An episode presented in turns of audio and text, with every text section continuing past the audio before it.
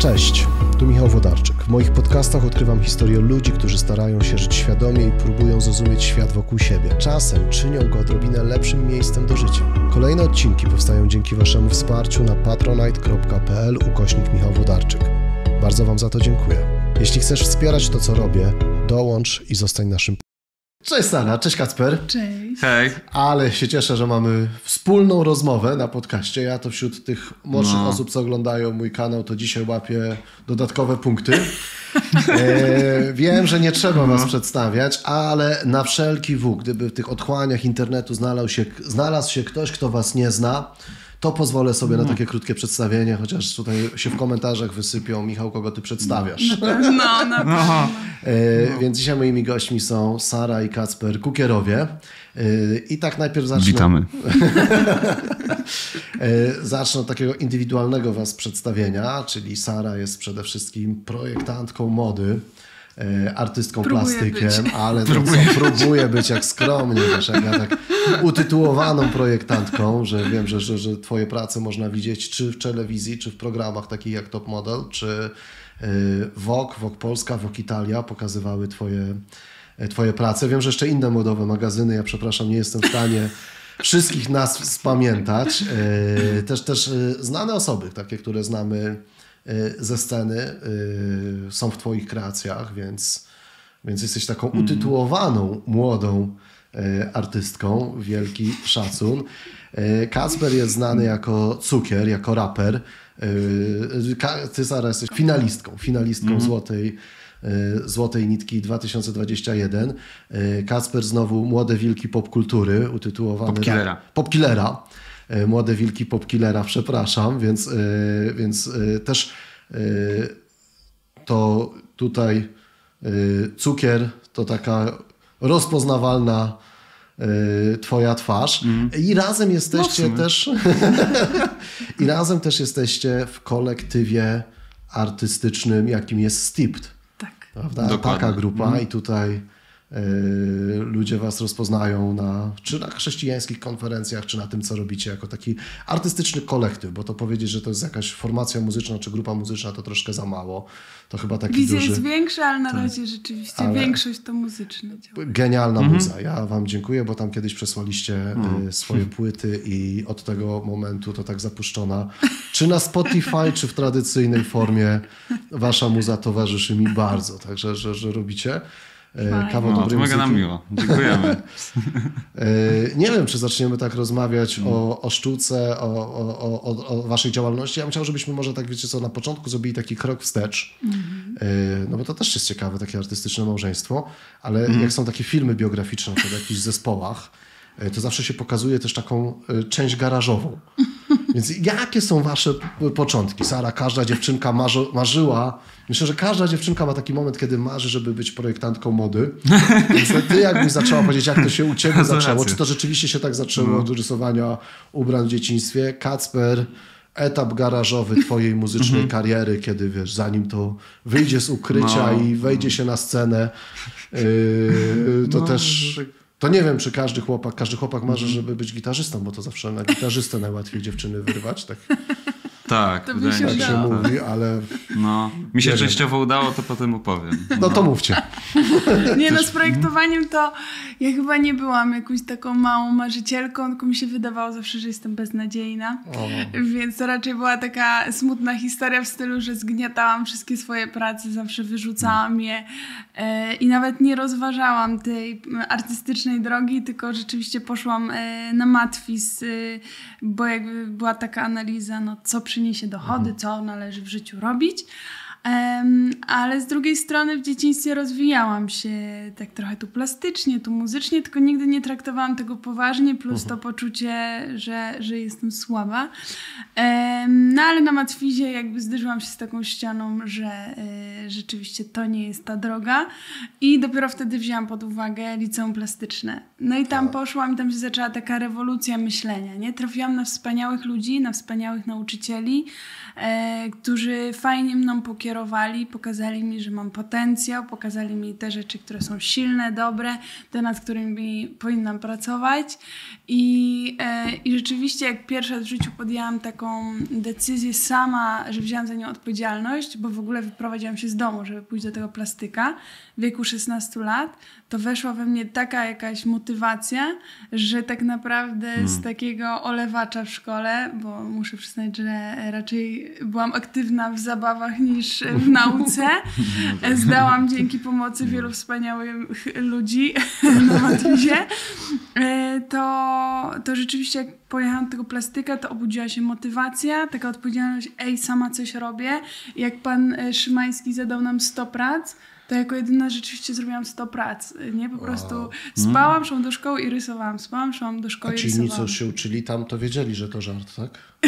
Co? Tak, sobie jedyne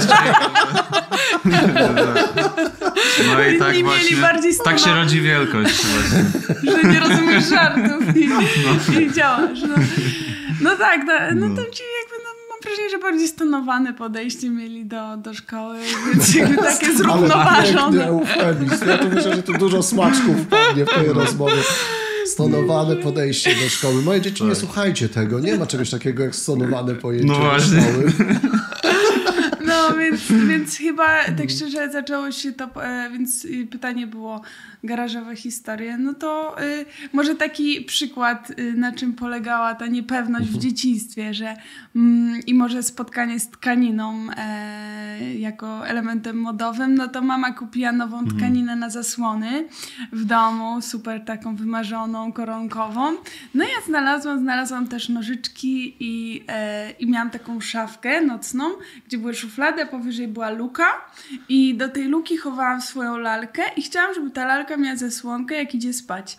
Więc cięłam tą mamy zasłonę i próbowałam przyciąć sobie idealny kawałek na zasłonkę i pocięłam dwa metry, nie no, pewnie nawet więcej zasłony i żaden kawałek mi nie pasował, więc zniszczyłam mamie całą zasłonę i tak nie zadowoliłam swojego, jakby nie zrealizowałam swojego planu, więc żadna z nas nie była No właśnie. Ale to wiesz, to y, pozdrawiamy panią Kornelię bardzo serdecznie. Y, I teraz jak pani jest tak dumna z sukcesów córki, to trzeba przyznać warto. To, to nie tą zasłonę. ta zasłona to nie była duża cena, jak pani tak słyszy o kolejnych sukcesach i kolejne modowe magazyny publikują, to, to jest właśnie Ofiara nagroda zasłony. za tą zasłonkę. Tak, dokładnie. No to prawda. To może jakaś twoja historia. E, Moje, ja, ja generalnie wychowywałem się całe życie w kościele, więc moje pierwsze muzyczne wspomnienie to jest e, jak jestem bardzo, bardzo mały i tańczę sobie do po prostu gospelowego uwielbienia, jakaś płyta amerykańskiego uwielbienia. E, Ron Kenoly, chyba płyta Lift Him Up. Także to jest taki niszowy klasyk, ale to jest bardzo, Ja bardzo znam. niszowy. Ty znasz? Okej. Więc to jest jedno z moich pierwszych wspomnień, jak sobie tańczę do jakiejś y, piosenki, w ogóle takich pierwszych wspomnień z życia. E, a następne wspomnienie to y, kiedy byłem chyba w drugiej klasie podstawówki, miałem pewnie 7-8 lat. Przyjechali do naszej szkoły, przyjechały dzieci z, wydaje mi się, domu dziecka z Kenii albo innego, nie pamiętam dokładnie, Uganda, jed, jedno, jeden z takich krajów, e, w których też są prowadzone misje, e, przyjechali, to chyba byli jacyś księża e, ze swoimi podopiecznymi E, i była ich tam dziesiątka czy piętnastka E, i był taki jakby apel, spotkanie po prostu, podczas którego oni mogli trochę opowiedzieć e, o tym, co się tam dzieje. Nasza szkoła była też chyba jakimś partnerem, czy wspierała po prostu też e, to, to, tą inicjatywę. E, I ja z trzema kolegami e, w wieku 8 lat napisaliśmy każdy po 8 wersów rapowych, bo stwierdziliśmy, że e, jak będą to czarnoskóre osoby, no to, że możemy coś dla nich zarapować. Przepraszam, wiem jak to brzmi. E, I w wieku 18 lat, e, wiecie, taki apel szkolny, wszyscy siedzą na forum, bez podkładu, bez żadnego klaskania, po prostu wychodzimy z kolegami i każdy a cappella po prostu rapuje swoje zwrotki. Moja oczywiście była najlepsza, z tego co pamiętam. I, I chłopakom się spodobało. Potem oni też tam robili jakiś w ogóle pokaz breakdance'u i było takie bardzo, bardzo fajna w ogóle rzecz. E, I to jakieś takie moje pierwsze wspomnienia muzyczne, a później no to już y, po prostu wkręciłem się w kościele e, w granie na gitarze, potem stopniowo też w śpiewanie i po prostu zobaczyłem, że granie na bębenkach też oczywiście i jakoś byłem w stanie tak znaleźć sobie miejsce do takiego bawienia się muzyką, eksperymentowanie, próbowanie coś tam sobie podegrać na różnych instrumentach, po prostu w uwielbieniu. Więc później no, to już poszło w ten sposób. z tą gitarą to się udało, w sensie tak. my się poznaliśmy hmm. Kacper w, w bluzie z kapturem czarnej, długiej, prowadził A, uwielbienie i tam tak. śpiewał tym swoim no. takim kochamy cię. no I, I miałem 18 lat wtedy. I, i, i na tak, gitarę tak. to się udało, tak. No. Rapsy się zaczęły dopiero po ślubie. A, tak. Bardzo, bardzo późno. Więc rap, bardziej na romantyczny, na romantyczny tak. klimacik. Serenady. Mhm. Gitara. Tak. Nie, no. no to teraz wiem szczerze, jak ktoś to słucha, Dokładnie. to notuje. Aha, kupić gitarę. Dokładnie. Jakie Dokładnie. pierwsze trzy akordy opanować i... Dokładnie. Jest taki filmik w internecie ze mną, gdzie to nawet wszystko tłumaczę, więc jakieś tak? chłopaki jak tak, coś, to... No. E, to od razu powiemy, e, bo potem ktoś do końca może nie wytrwać. E, znaczy, mam nadzieję, że wytrwa w tych, w tych naszych rozmowach. Jak... Ale wiemy, jakie są statystyki. Ale wiemy, jakie są statystyki. E, to są dwa odcinki. Tak naprawdę nagrywamy dwa podcasty e, i na jeden pojawia się na tym kanale. Ten chyba, co teraz nagrywamy, to pójdzie do mnie na kanał, bo ja przedstawiałem was. Tak. Potem się zamienimy krzesłami tak. i wy przedstawicie mnie. Tak. Dokładnie.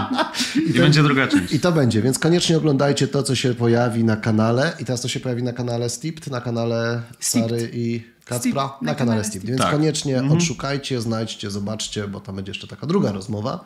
Tak samo, tylko odwrotnie. Dokładnie. Także sobie... Mamy kilka fajnych pytań. Dobrze, no fajnie.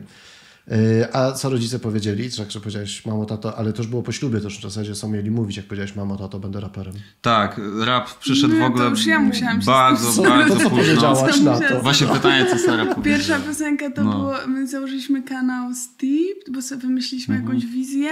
Nie mieliśmy jeszcze żadnych materiałów, po prostu go założyliśmy. Mhm. I ty chyba nagrałeś serię, czy chwała? Chyba chwała, to było pierwsze. I puściłeś mi to i najpierw się tak śmialiśmy, haha, beka, ale śmieszne. Tak.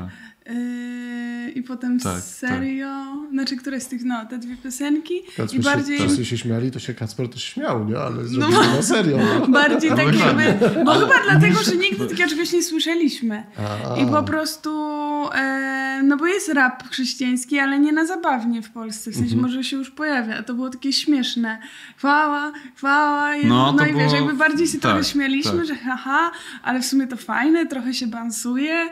No i na początku no. raczej był śmiech, a potem jak zaczęliśmy sobie to puszczać, jak byliśmy grupą osób, no to zaczęło się robić e, naprawdę tak. tak. energicznie i tak. potem stwierdziliśmy, ej, trzeba więcej tego robić. Nie? Dokładnie, więc początki z rapem nie były na serio i nie były, nie wiązałem żadnych w ogóle nadziei z zrobieniem tego gatunku. A na przykład y, w porównaniu, w uwielbieniu widziałem siebie bardzo na serio no tak. Y, jako coś takiego, co prawdopodobnie będę posługiwał Bogu w ten sposób przez całe tak. życie. Y, po prostu mhm. prowadząc lub grając, śpiewając w uwielbieniu. A rap był czymś takim, co zrobiłem żeby tak się wyżyć artystycznie i połączyć z chrześcijańskim przekazem coś, co jest od czapy, i po prostu samo połączenie tego, zrobienie chrześcijańskiej wersji czegoś tam y, było dla mnie zawsze takim Może to też jakąś taką frajdą, więc to był taki się przykład. z tej ładnej formy, bo jednak tak, Kacpi się wychował tak. w uwielbieniu i zawsze te, często te piosenki uwielbieniowe są takie ładne, że wznosimy głos, tak, pieśń, tak, tak. miłość, no. pokora, coś tam.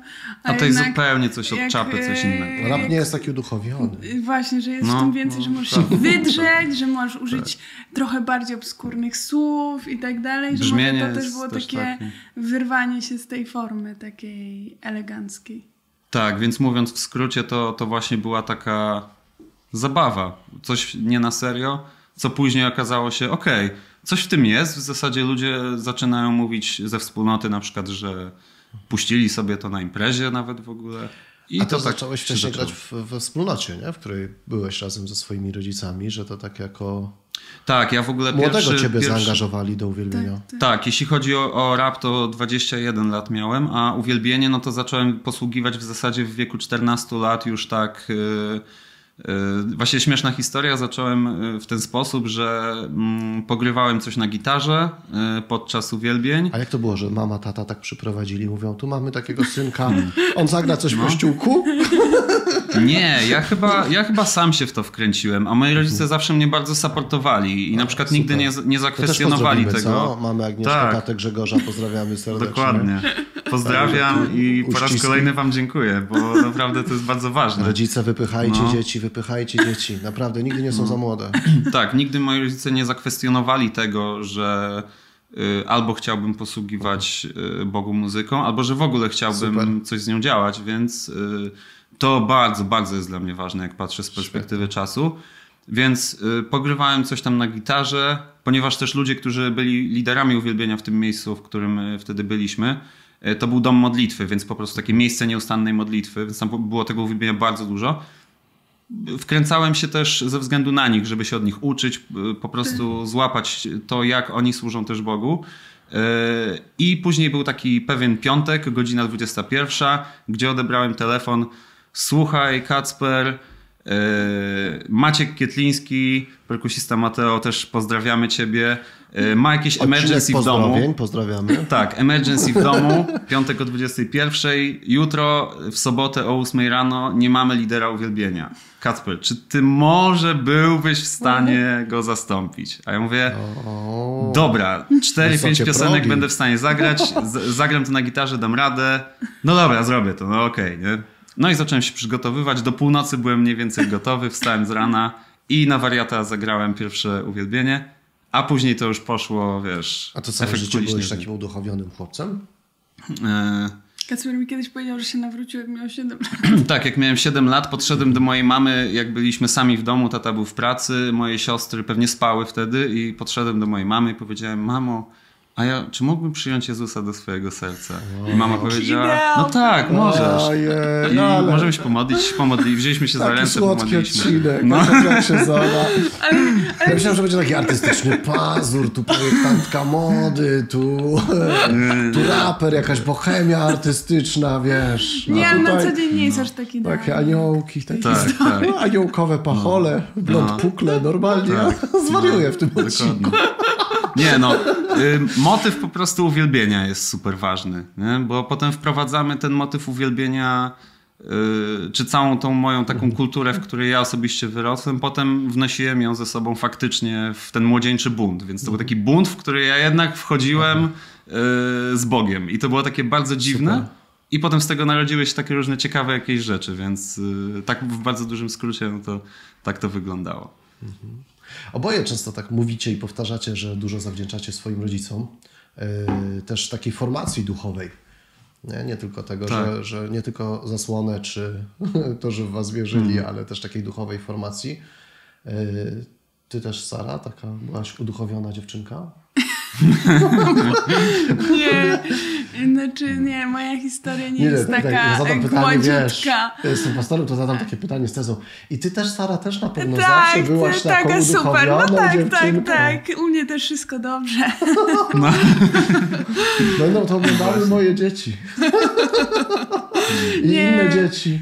U nas było tak, żartuję, no że ja się wychowałam na wsi. E, Myślę, że to też jest taka spora różnica, Różnica, między no. Warszawą a na przykład wsią, e, że jest inna, e, inny, no nawet inaczej w kościołach się funkcjonuje, więc my byliśmy w bardzo takiej, bym powiedziała, tradycy w takim tradycyjnym środowisku, nie? że katolickim, tradycyjnym, e, bardzo dużo reguł i zasad.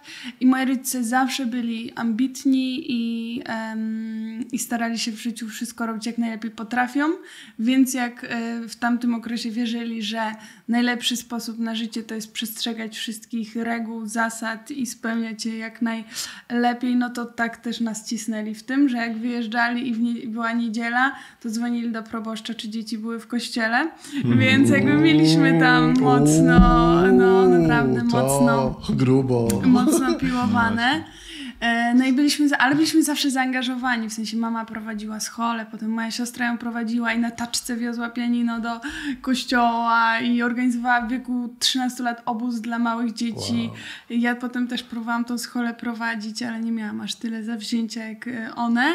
Więc jakby było to zaangażowanie, ale ta forma była taka dosyć demotywująca, bo nie Bo każdy... schola to tak wyjaśnimy, taki parafialny chór. Tak, e, chórek, no, chórek taki powiedzmy parafialny i moja siostra próbowała rzeczywiście jakieś nowe rzeczy tam wprowadzać, na przykład keyboard Yamaha i pusz, e, nagrywała sobie, tam był Rec, nagrywała sobie podkładziki i potem grała z nimi, żeby coś tam się działo więcej.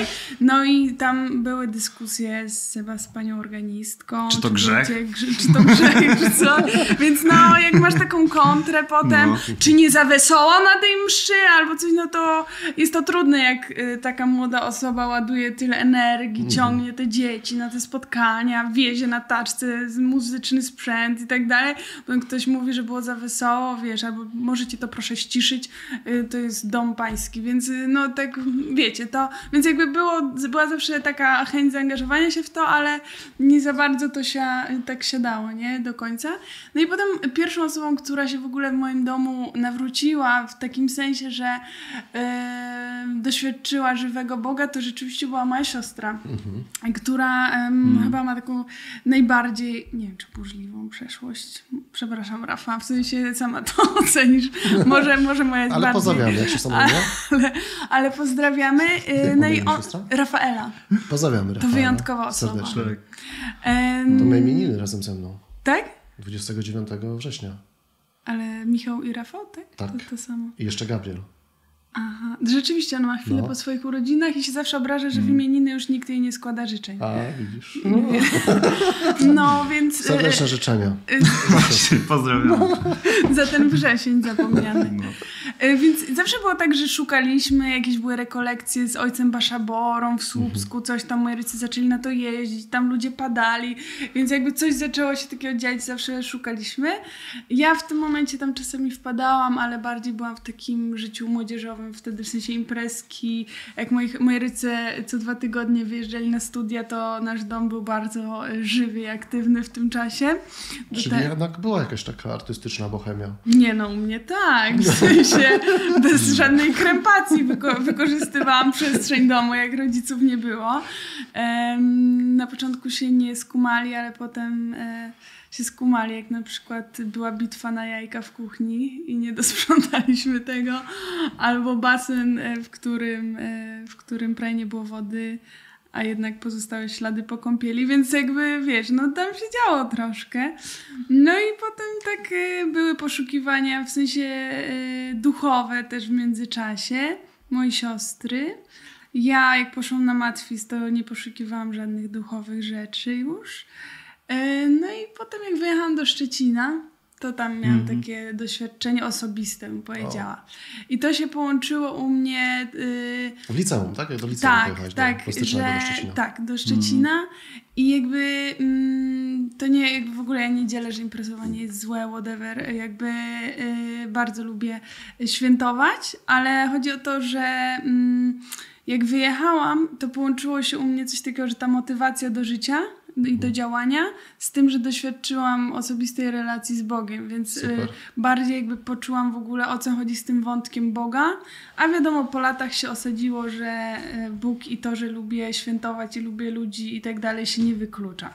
Może na początku w takiej skrajności to się trochę wykluczyło, bo u mnie było o tyle trudno, że się nawróciłam, w, mimo że doświadczyłam żywego Boga, to w bardzo takim religijnym środowisku.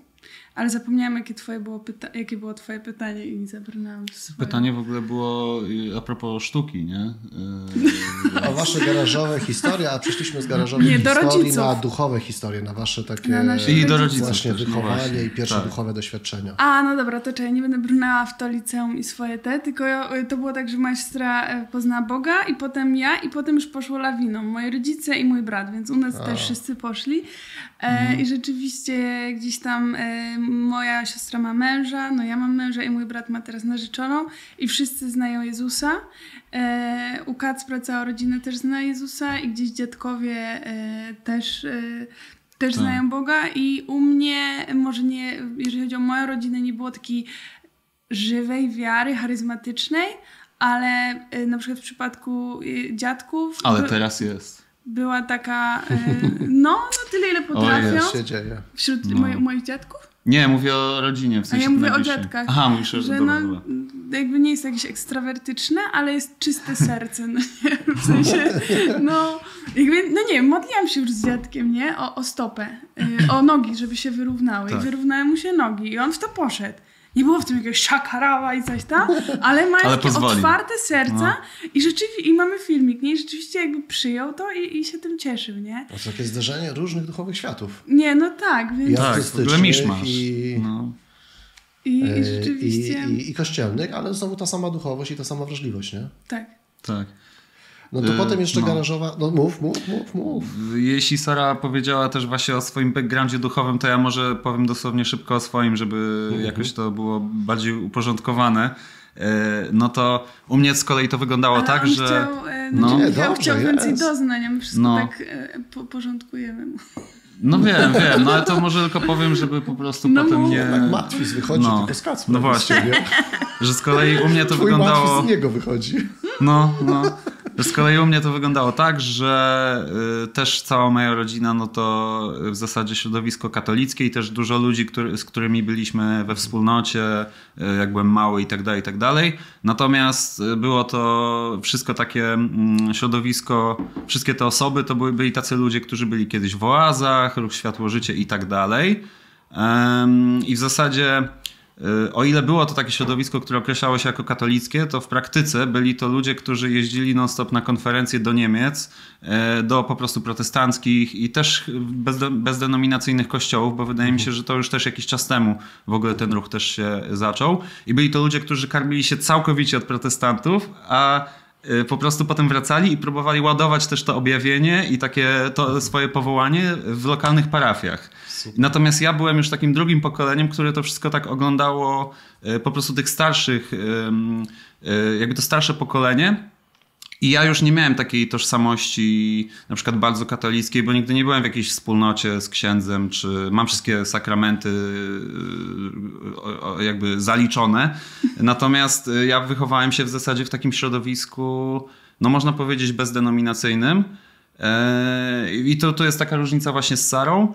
No i też dlatego myślę tak się wkręciłem w uwielbienie, no bo to jest takie charyzmatyczne środowisko, w którym po prostu y, uwielbienie muzyką jest też y, bardzo ważne, nie? Więc y, jakoś tak Sara uwalniała się do swojej wrażliwości, można powiedzieć, z biegiem czasu i musiała też to, musiałaś też to sama wywalczyć, można powiedzieć, to w jakim miejscu jesteś też teraz.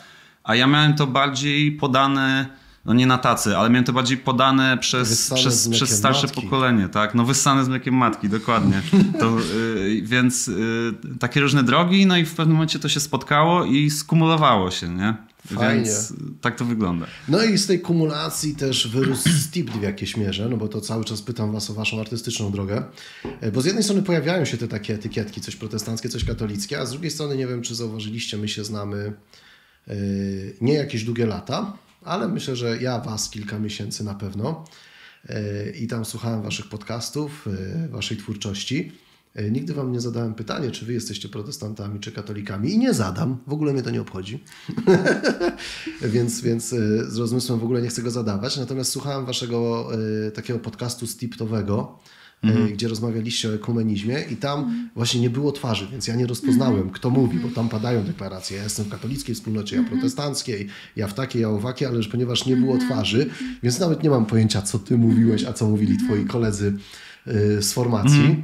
E, Ale właśnie jak to jest potem, jak, jak, jak zaistniał STIPT i jak to jest być w takiej formacji, która też jest takim miszmaszem Tak. różnych światów. Tam też jest zderzenie jak w akceleratorze cząstek chyba No atomowych, nie? Tak, Jest. dokładnie. W Opowiedzcie Stipem Jak to było- powstało i jak się dzieje? Było tak, że e, my po ślubie e, jeszcze byliśmy przez chwilę razem w domu modlitwy, czyli jakby od, w ogóle od Poznania uwielbienie nas łączyło, więc e, naszym takim, naszym taką, takim elementem łączącym nas dwoje jest uwielbienie.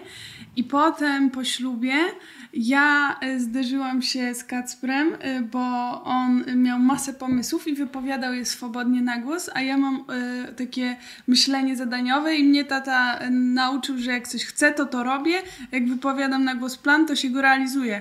A Kacper Ten pomysłów tata- na Ten wypowiadał... tata, którego jeszcze nie pozdrawialiśmy. Tak. Tata Władek. Serdecznie pozdrawiamy. Hej. Bardzo gorące pozdrowienia. Już mamy komplet rodziców No, po, po. Tak. pozdrowionych, tak? No. Tak, więc no... Bo y, mamy Agnieszkę, tatę Grzegorza też pozdrawialiśmy. Tak, Tak, się tak. Tak. Dobrze.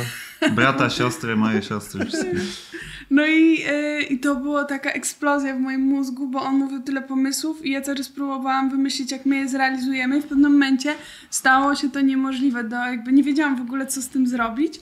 No i pamiętam, że A przyjechała... ja bardzo późno sobie uświadomiłem, że tak to w ogóle działa u Sary. Tak, tak, bo ja Więc to było to po jakichś już no. pewnie latach y, opowiadania wszystkich swoich pomysłów na zasadzie rzucam to w eter i jeśli coś się, że tak powiem, przyklei, złapie jakiś... y, mm, Złapiemy jakiś flow, no to wtedy można o tym pogadać. A Sara każdy z tych pomysłów łapała, że dobra, musimy. mówi na serio. Robimy ten projekt i teraz ona musi po prostu go ogarnąć tak i jakoś mają. zrobić. Połowa I trochę nam No to nie, zajęło, żeby jakby to były rozkminić. Nie? Pierwsze miesiące w No. małżeństwie, no i jakby z tego przerażenia tak naprawdę, że nie wiedziałam, co z tym zrobić, Mm. e, poprosiliśmy o pomoc moją siostrę, jak nas odwiedziła i ona wyjęła Rafaela, flipcharty i zaczęła rozpisywać Tak. nasze, bo ona jest e, mózgiem ogarniającym, nasze pomysły, nasze potrzeby, nasze plany, nasze marzenia, do kogo chcemy dotrzeć, co chcemy tworzyć, jak to ma wyglądać, jaka jest wizja i tak została rozpisana tak naprawdę wizja Steeped. W tym tego samego wieczoru wymyślaliśmy nazwę i w końcu właśnie wymyśliliśmy, że nasączone, co po angielsku znaczy steeped, bo chcieliśmy robić różnego rodzaju sztukę i robić na nią przestrzeń e, i żeby ona była właśnie też w nietypowych brzmieniach i jakby wizualnych odsłonach, ale jakby nie powstawać w Bożej obecności, to to będzie uwielbienie. Więc jakby stąd nazwa i to wszystko powstało jednego wieczoru. Tego samego wieczoru założyliśmy kanał na fejsie, na YouTubie i jakby po prostu zrobiliśmy super proste logo i tak jakby zrobiliśmy sobie przestrzeń na to, co przyjdzie. No nie? Jeszcze nie było żadnych produktów, tylko zrobiliśmy sobie Tak. na to miejsce. I potem kolejne jakby rzeczy, które zaczęły tam wychodzić, to, był, e, no to było to, co się w nas kumulowało, nie? Ale, ale były też No. osoby, z którymi zaczynaliśmy. To była Estera Maciek, z którymi właśnie się poznaliśmy przez uwielbienie i z którymi mieliśmy mega flow, e, jak uwielbialiśmy Boga, że, że pojawiała się taka frajda, że tam Maciek na tej perkusji tam puszczał oczko, tu coś tam sambę zrobił z Tak. jakiegoś cmenta, że pojawiło się wow, ktoś ma fan na tym uwielbieniu, chcemy coś tworzyć i tak naprawdę to z nimi e, wszystko e, takie muzyczne się zaczęło. Mhm. No, dokładnie.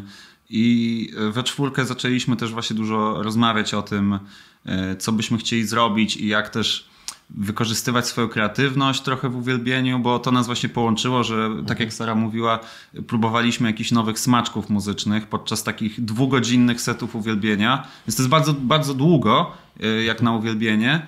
E, No i jeszcze wyobraź sobie, że masz takie coś na przykład kilka razy w tygodniu, bo na tym polega też na przykład twoja posługa w takim miejscu. Albo jak, s- jak były Więc ta kreatywność sobotnie- była bardzo, bardzo cenna, nie? I to nas tak yy, Jak dawało nam dużo radości. uwielbienia, to Kacper potrafił być w sali modlitwy po 8 godzin i grać po prostu, nie? Nawet kiedyś No. był 24 z przerwami na drzemki. Tak, miałem taki challenge sobie zrobiłem, że będę przez cały taki, cały jakby ca, całą tą górę modlitwy tak zwaną, czyli I cały, wtedy tą, musisz dzień. coś nowego, żeby to przeżyć. do modlitwy 24, jak nic. Tak, tak, no dokładnie. Także po prostu ta kreatywność, takie poszukiwanie czegoś, e, tych ciągłych nowych rzeczy, nie? E, I muzycznych, a gdzieś tam jeśli chodzi o objawienie, no to zawsze to płynęło ze słowa, no to, to staraliśmy się tego szukać. I właśnie tak jak Sara powiedziała, wierzymy, że jeżeli włożysz Ewangelię, e, czy po prostu przekaz Biblii w dowolną formę sztuki, na przykład dzisiejszą, wierzymy, że ona staje się formą uwielbienia, nie? Więc Ale jakby też tego też pytałeś doświadczaliśmy. O tych ludzi, nie? Że Mhm. to jest mieszanka. Dla nas w ogóle nigdy, jakby nigdy nie było pytania, jak sobie teraz myślę, czy my chcemy robić na przykład yy, coś ekumenicznie, czy nie, czy chcemy iść w jakiejś Mhm. jednej denominacji. W ogóle nie było pytania, bo dla nas to jest mm, naturalne, y, że żyjemy w takim, mm, nazwijmy to, mieszanym środowisku i trudniej nam nawet jest się odnaleźć w jakimś środowisku, nazwijmy to, jednej kategorii, Mhm. więc yy, I żyjemy w takim pokoleniu też.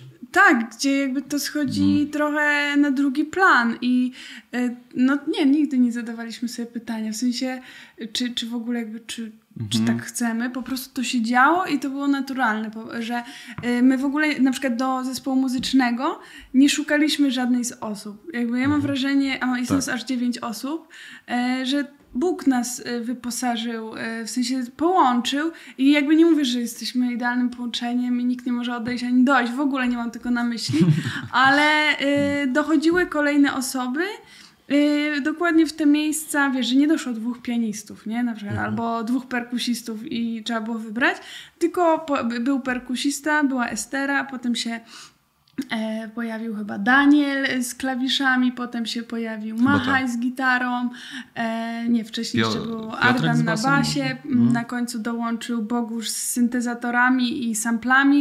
I to też jakby był w tym taki timing, że na przykład sample i syntezatory, czyli nazwijmy to nowoczesne brzmienia się pojawiły jak my już byliśmy trochę bardziej e, open-minded, nie? Że wiesz, jakby, że to. mogą być jakieś Mhm.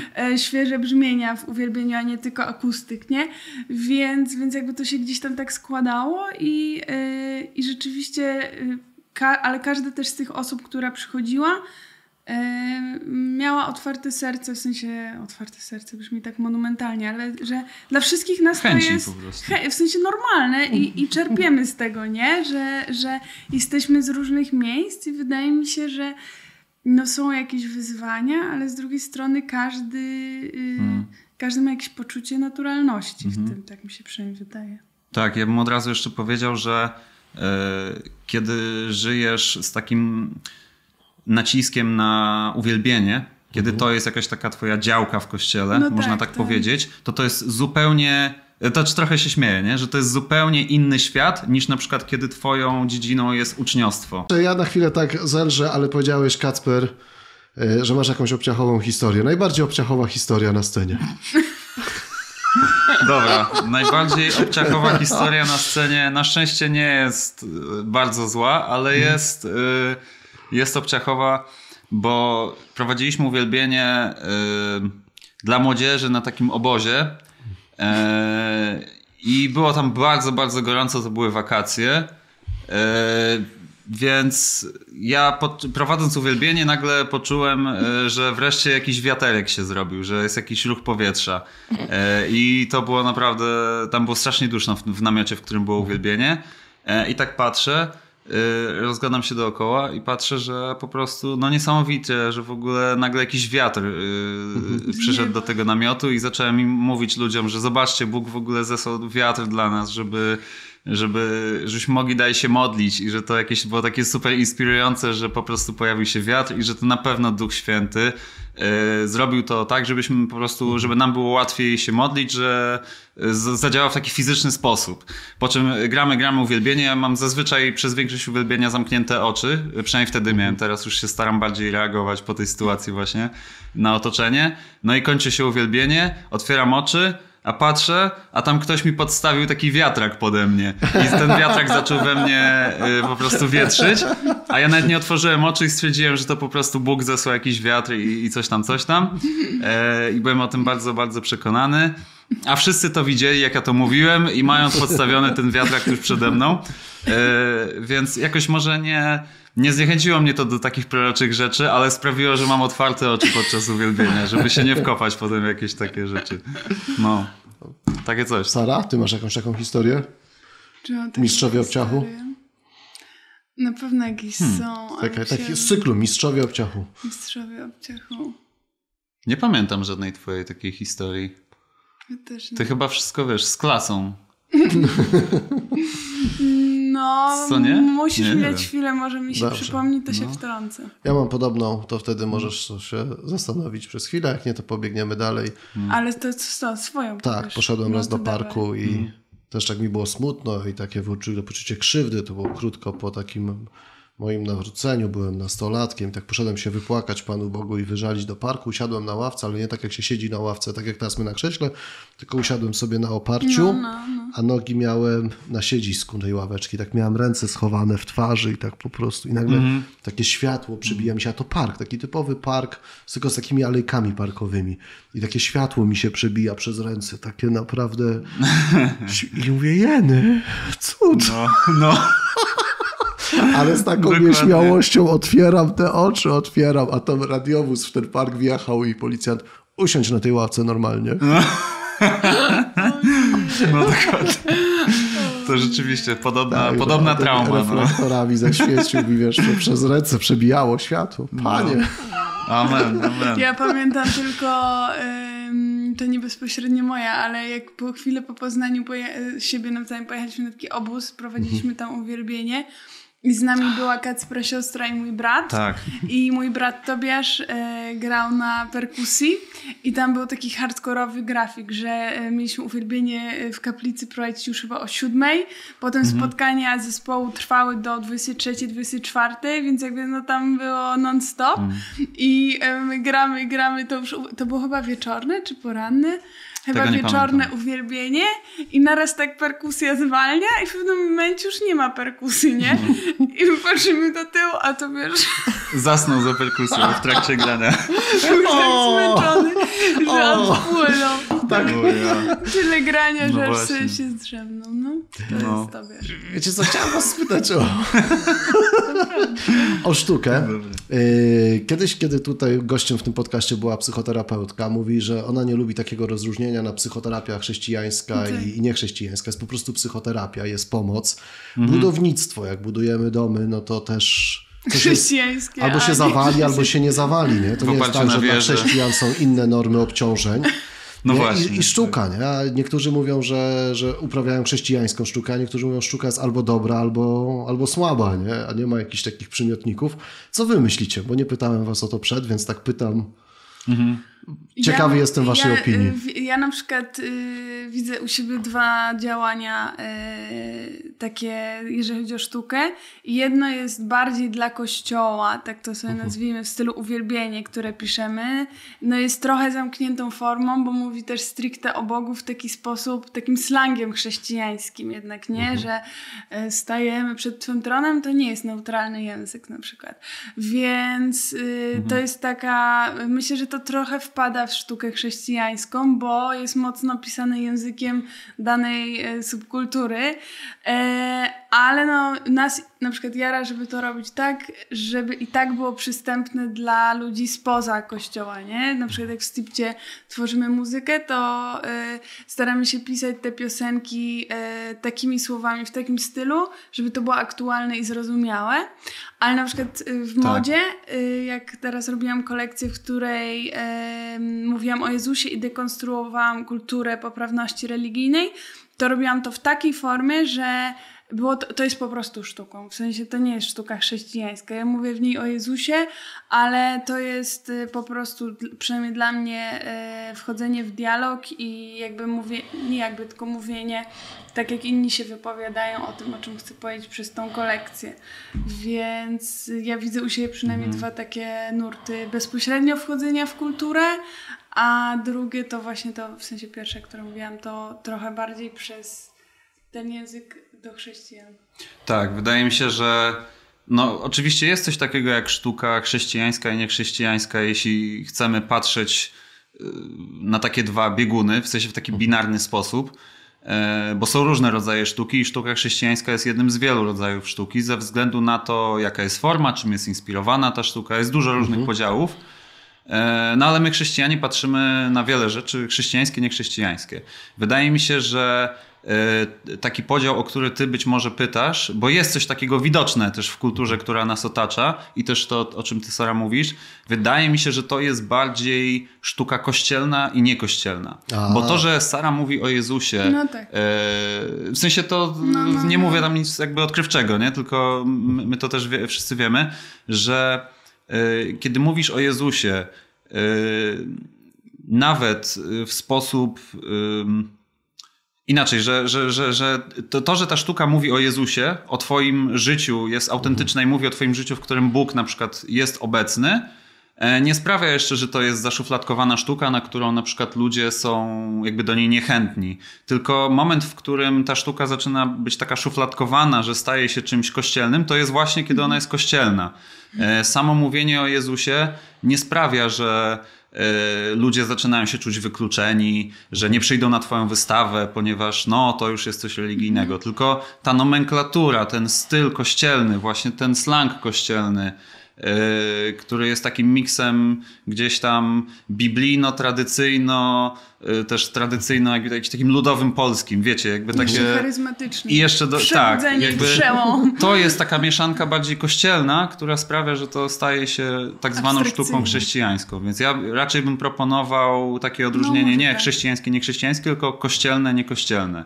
Yy, no. Bo ja bym chciał was spytać o ten opór, wrócić waszej opowieści. Trochę na początku wspomniałaś o pani organistce, co tak y, stopowała zapędy na Scholi. syntezatorku waszej scholi, żeby tam bitu nie podbić. Mi się podobała ta opowieść, bo moja babcia jest takiej, moja świętej pamięci babcia, była w takiej parafii, że di- y, tam od dzieciństwa pamiętam, ale teraz nawet jak jakieś takie rodzinne spotkania i zdarzało mi się tam trafić, to tam organista ma taką estetykę disco polo i takich bitów syntezatora A, zawsze, to, ale Tak. e, te tradycyjne pieśni z takim pst, pst, pst, Tak, tak, tak, tak, tak. e, podkładem, one są świetne i, i wszystko jest takie, no jak u Zenka, u Martyniuka, po prostu, no ciekawe, bardzo ciekawe, estetyczne wrażenie, ale e, ten organista nie natrafił na, na tę organistkę, o której ty wspominałaś, która mówi go nie wypada. nikt mu nie powiedział. Nie.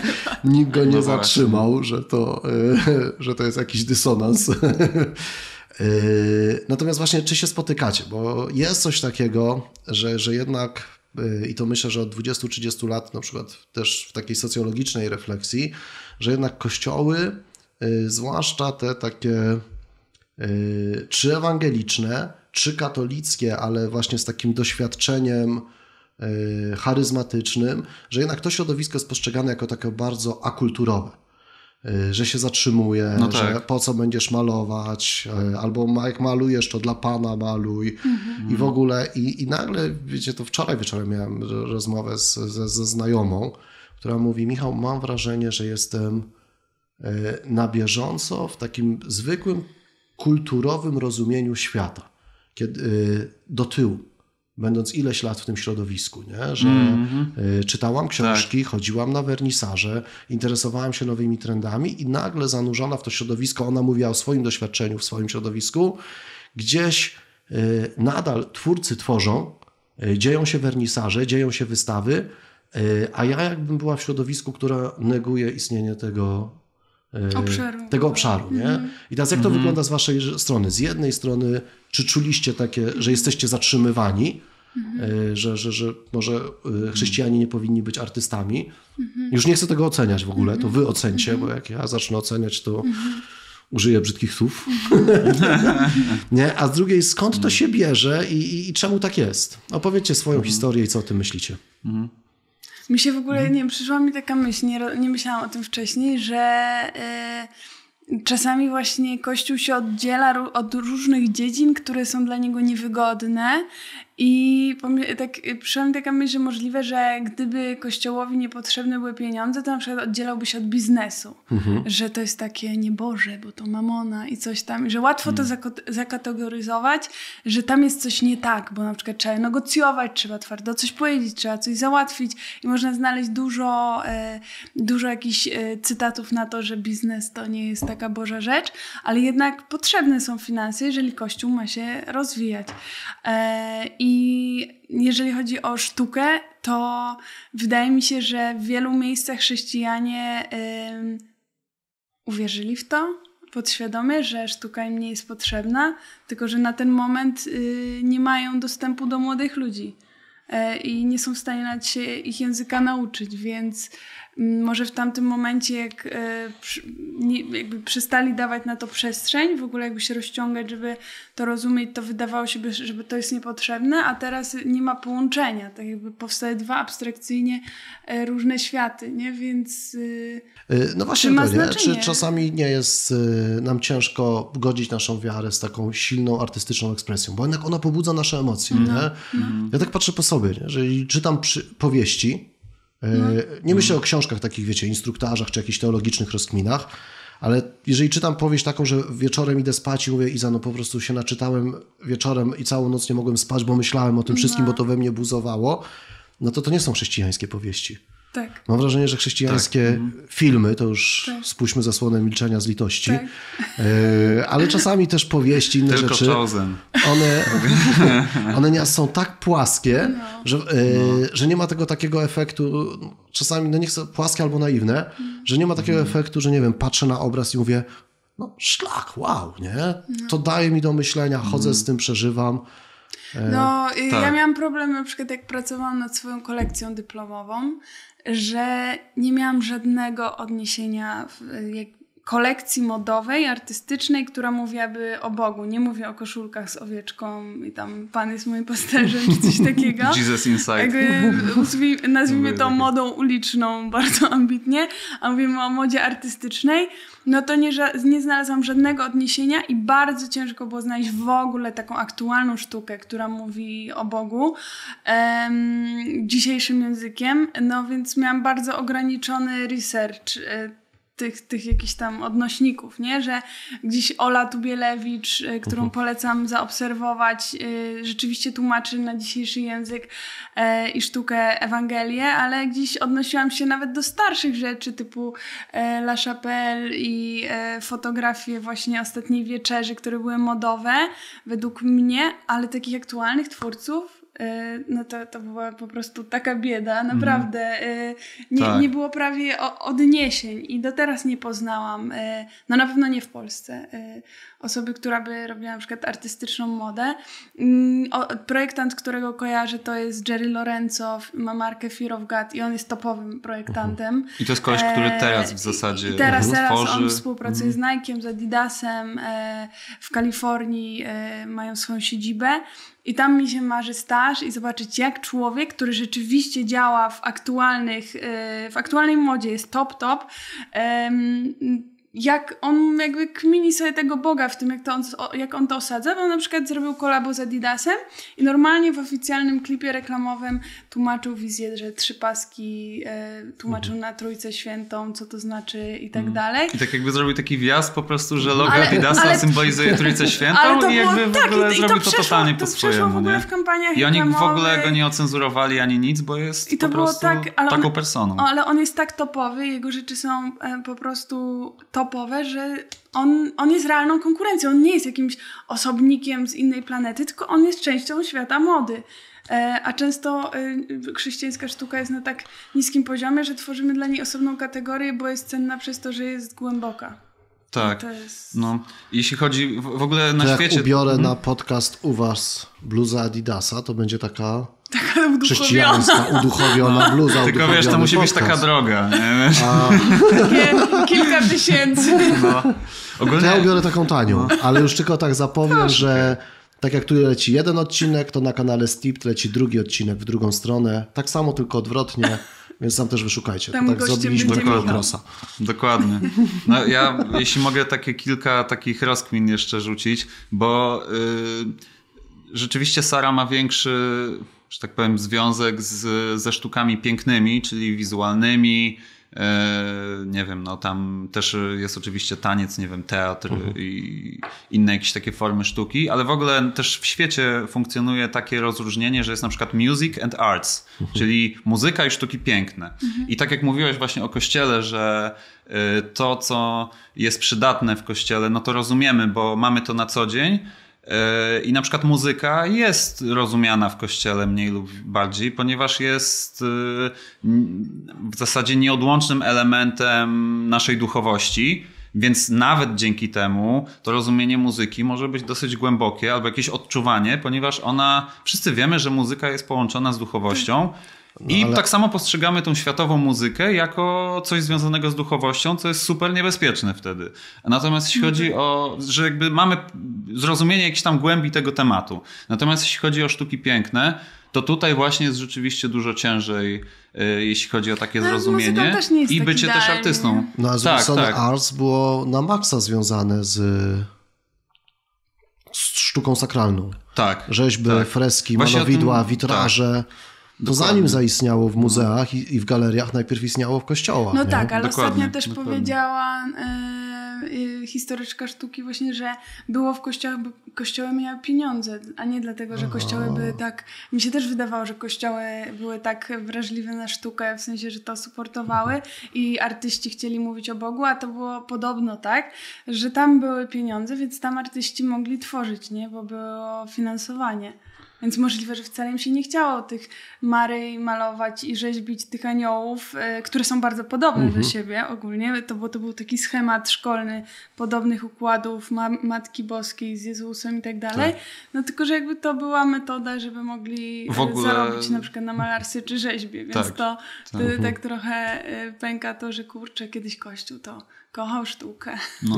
Bo tak myślałam, tak, nie? I mówię, tak. co się stało, że Kościół przestał ją tak kochać na przykład. No, ja chciałbym... Znaczy w dwa w jednym, Mhm. nie? bo to, to jest rzeczywiście, że, że, że wszyscy wielcy artyści byli pod mecenatem kościoła, Mhm. ale z drugiej strony kościół nie miał tej idei, że te pieniądze lepiej przeznaczyć na biednych, No tak. tylko jednak chcemy zbudować No ten tak. kościół taki, że on będzie lepszy, że dopiero książę marzył o tym, żeby u niego w pałacu było tak pięknie jak w kościele. Jak w kościele. Czyli jednak Okej. ta motywacja Mhm. była, mamy kasę i chcemy zrobić, żeby tu było najpiękniej, nie? No że książę też potem Mhm. przychodził i się świecka sztuka wzorowała na tej sakralnej, ale Tak. sakralna... Mhm. No jednak ten proboszcz decydował o tym, nie? Czy on te Tak. pieniądze przeznaczy na biednych, na nowy diligence, Tak. czy będzie utrzymywał Michała Anioła, nie? No właśnie. Jakiegoś No, ale Tak, jakby na przykład y, Johannes Hartl, który prowadzi y, dom modlitwy w Augsburgu, on bardzo dużo też o tym mówi i to na maksa porusza moje serce, że, e, że Bóg jest piękny i wszystko, co Bóg stworzył jest piękne. On właśnie ostatnio go słuchałem, mówi, czy widziałeś kiedyś brzydki zachód słońca, że na przykład patrzysz na zachód słońca i sobie myślisz, ale słaby na przykład. Nie, no, ja przynajmniej nigdy nie miałam takiej myśli. E, I że wszystko, co pocho- pochodzi od Boga, jest piękne. I em, oni na przykład ten dom modlitwy w Augsburgu, który jest teraz, e, dostali w tym roku e, e, German Design Award. E, Wow. I naprawdę e, projektowała go topowa architekta, archi- pani architekt, wyróżniona na świecie, e, we współpracy z tym Johannesem, też kilka jego pomysłów. No ale jakby masz miejsce, w którym trwa nieustanna modlitwa i ono jest po prostu piękne i jeszcze zostaje wyróżnione no po prostu w światowej kategorii, a nie w jakiejś na przykład kościelnej, e, bo piękne, nie? Tylko jest piękne i Tak. jest dobre, nie? I oni w ogóle całe konferencje gdzieś tam robili em, o pięknie i on to podkreśla istotę tego. I wydaje mi się, że to się zaczyna dziać, że w Polsce zaczynamy o tym słyszeć, ale jeżeli chodzi o mnie, to jakby ja cała na to rezonuję, ale mam wrażenie, że jeszcze nie wszędzie jest tego zrozum- zrozumienie, więc trochę na przykład dla nas we dwójkę to jest coś super oczywistego, że sztuka jest tak istotna, żeby człowiek e, dobrze funkcjonował. I nawet na przykład mój tata e, raczej Już- nie jest artystyczną duszą. Mamy znowu pozdrowić? E, Tak, tata Władziu nie jest może artystyczną duszą, ale jak e, słyszy muzykę Mhm. i uwielbia, to cały się uruchamia po prostu, nie? E, i, I myślę, że to działa na wszystkich ludzi w większym lub mniejszym e, wymiarze. Kiedy widzą piękno i kiedy słyszą piękno, to coś się w nas zmienia i uruchamiają się inne przestrzenie. I wierzę, że to są przestrzenie, które się otwierają na doświadczenie Boga, że możesz doświadczyć coś, czego nie doświadczysz poprzez samo słowo. Tak. Wydaje mi się, że em, sztuka jest czymś ważnym, bo tak też zastanawiając się nad w ogóle tematem tego sztuka w kościele, y, tego podcastu, y, zacząłem się zastanawiać, kurczę, czy sztuka w ogóle jest aż tak ważna, jak mi i Sarze się wydaje jako artystom, że dla nas sztuka jest i kultura są całym życiem i żeby złapać taką Całe perspektywę, okej, czy, czy na pewno nasza perspektywa y, jest uniwersalna? To, jak dla nas sztuka jest ważna. Nie, I pomyślałem sobie, nie. nie no, raczej nie jest. Y, Przecież jak na przykład masz jakąś, nie wiem, wojnę, no to przecież ta sztuka nie będzie taka ważna. A potem myślę, kurde, ale nie, przecież właśnie podczas wojny na przykład masz młoda Polska, Polska, nie wiem, przed upadkiem komunizmu, patrząc jakby na mhm. nasze rodzi, rodzime podwórko, hymny wszystkie, państwowe, tak? Czy jakieś pieśni śpiewać. bojowe na, na placu boju i tak dalej, i tak dalej, nie? Sztuka jest jednak czymś ważnym, nie tylko w czasie, kiedy społeczeństwo prosperuje na tyle, albo Kościół na tyle, żeby w ogóle zaczęło myśleć o takich rzeczach i wygodach, jak tworzenie jakiejś pięknej sztuki, tylko nie, no sztuka jest w jakiś sposób towarzyszy y, po prostu życiu człowieka, jest jakąś ekspresją i również w trudnych czasach y, sztuka ma znaczenie po prostu w życiu człowieka, w życiu społeczeństwa, więc również w życiu Kościoła jest czymś, co faktycznie może być ważne i tak samo jak jest ważne dla nas, myślę, że może być ważne po prostu e, dla Kościoła. A to, co na przykład mnie dosyć e, tak denerwuje w zasadzie, to jest to, że Kościół, no właśnie, że, że przez to, że sztuka jest taką dziedziną, na którą każdy człowiek jest dosyć wydaje mi się, wrażliwy, w sensie dotyka mhm. czegoś głębokiego w człowieku i żeby ją zrozumieć, trzeba się troszeczkę otworzyć, e, no to Kościół się też może jej bać, ponieważ tak jak właśnie mówiliśmy o muzyce, że jeżeli ta muzyka jest głęboka, boża, no to super, ale jeżeli jest y, światowa, no to masz takie, oj, to potencjalnie jest dużo zagrożeń dla ludzi, że im jakiś demon wejdzie, bo pójdą na dyskotekę, nie? I, i, i to jest taki, taki stereotyp związany z tym, że muzyka dotyka czegoś głębiej w tobie i może się przebić, nie? I jak jesteś osobą taką religijną, E, no to boisz się, że coś tam się przebije złego i ty jesteś bezbronny. E, więc e, takie są różne stereotypy po prostu w kościele. I chciałem tylko powiedzieć jeszcze jedną rzecz tak mhm. Poruszyłeś temat, który... Tak. Takie, takie dwie rzeczy, które są dla mnie serio ważne, że kanon sztuki, to może taki trochę przeskok, skok myślowy, E, że, że ta sztuka, która w kościele jest taka tradycyjnie też uznana, że to jest bezpieczne, nie? że to mhm. jest taka sztuka, no tak. którą rozumiemy, Chorały lubimy. gregoriańskie. Tak, ta, ta cała... Zero ryzyka. Tak, że to, co jest w kościele, czy właśnie na przykład takie dostojne malarstwo, w sensie no. Kaplica przedstawiające tylko dostojne, symboliczne, nie wiem, jakieś tam... A nie głupoty. E, tak, e, bardzo takie, wiecie, eleganckie różne rzeczy no to, że to jest na pewno coś chrześcijańskiego, chrześcijańska sztuka. No to na pewno jest ten Adam i Bóg, którzy mhm. Y, symbolicznie stykają się palcami i tak dalej. E, ale y, musimy po prostu pamiętać, że ten, ta estetyka i, i, I tak samo chorały gregoriańskie, to jak dużo kościołów było budowanych, to nie jest tak, że ta forma sztuki, którą my wszyscy uznajemy za bezpieczną chrześcijańską, że ona się wywodzi z Biblii. To jest właśnie problem, że ta, większość tej estetyki, która w kościele jest teraz rozumiana, wywodzi się załóżmy ze średniowiecza, późnego średniowiecza, bądź z jakichś też późniejszych czasów. Z antyku. Tak, tak. No nie mówimy teraz oczywiście o środowisku charyzmatycznym, mhm. tylko jakiejś takiej zbiorowej mhm. świadomości też w kraju, nie? Oczywiście. To nie są rzeczy że Jezus słuchał chorału gregoriańskiego i my jakby, i to jest taka tradycja jak na przykład, nie wiem, e, Słowo Boże, że też e, taka muzyka to jest ta niezmienna tradycja, nie? Tylko to jest jakaś estetyka, która się wytworzyła, tak? E, dokładnie. I wiecie, jak Jezus był na weselu w Kanie Galilejskiej, to nie wiem, czy tam leciała żydowska muzyka, była grana o tym, że, że, że nie wiem, Mesjasz powróci, bo wszyscy byli wtedy religijni, tylko prawdopodobnie to było takie ich nie disco polo, tylko żydowskie, tak?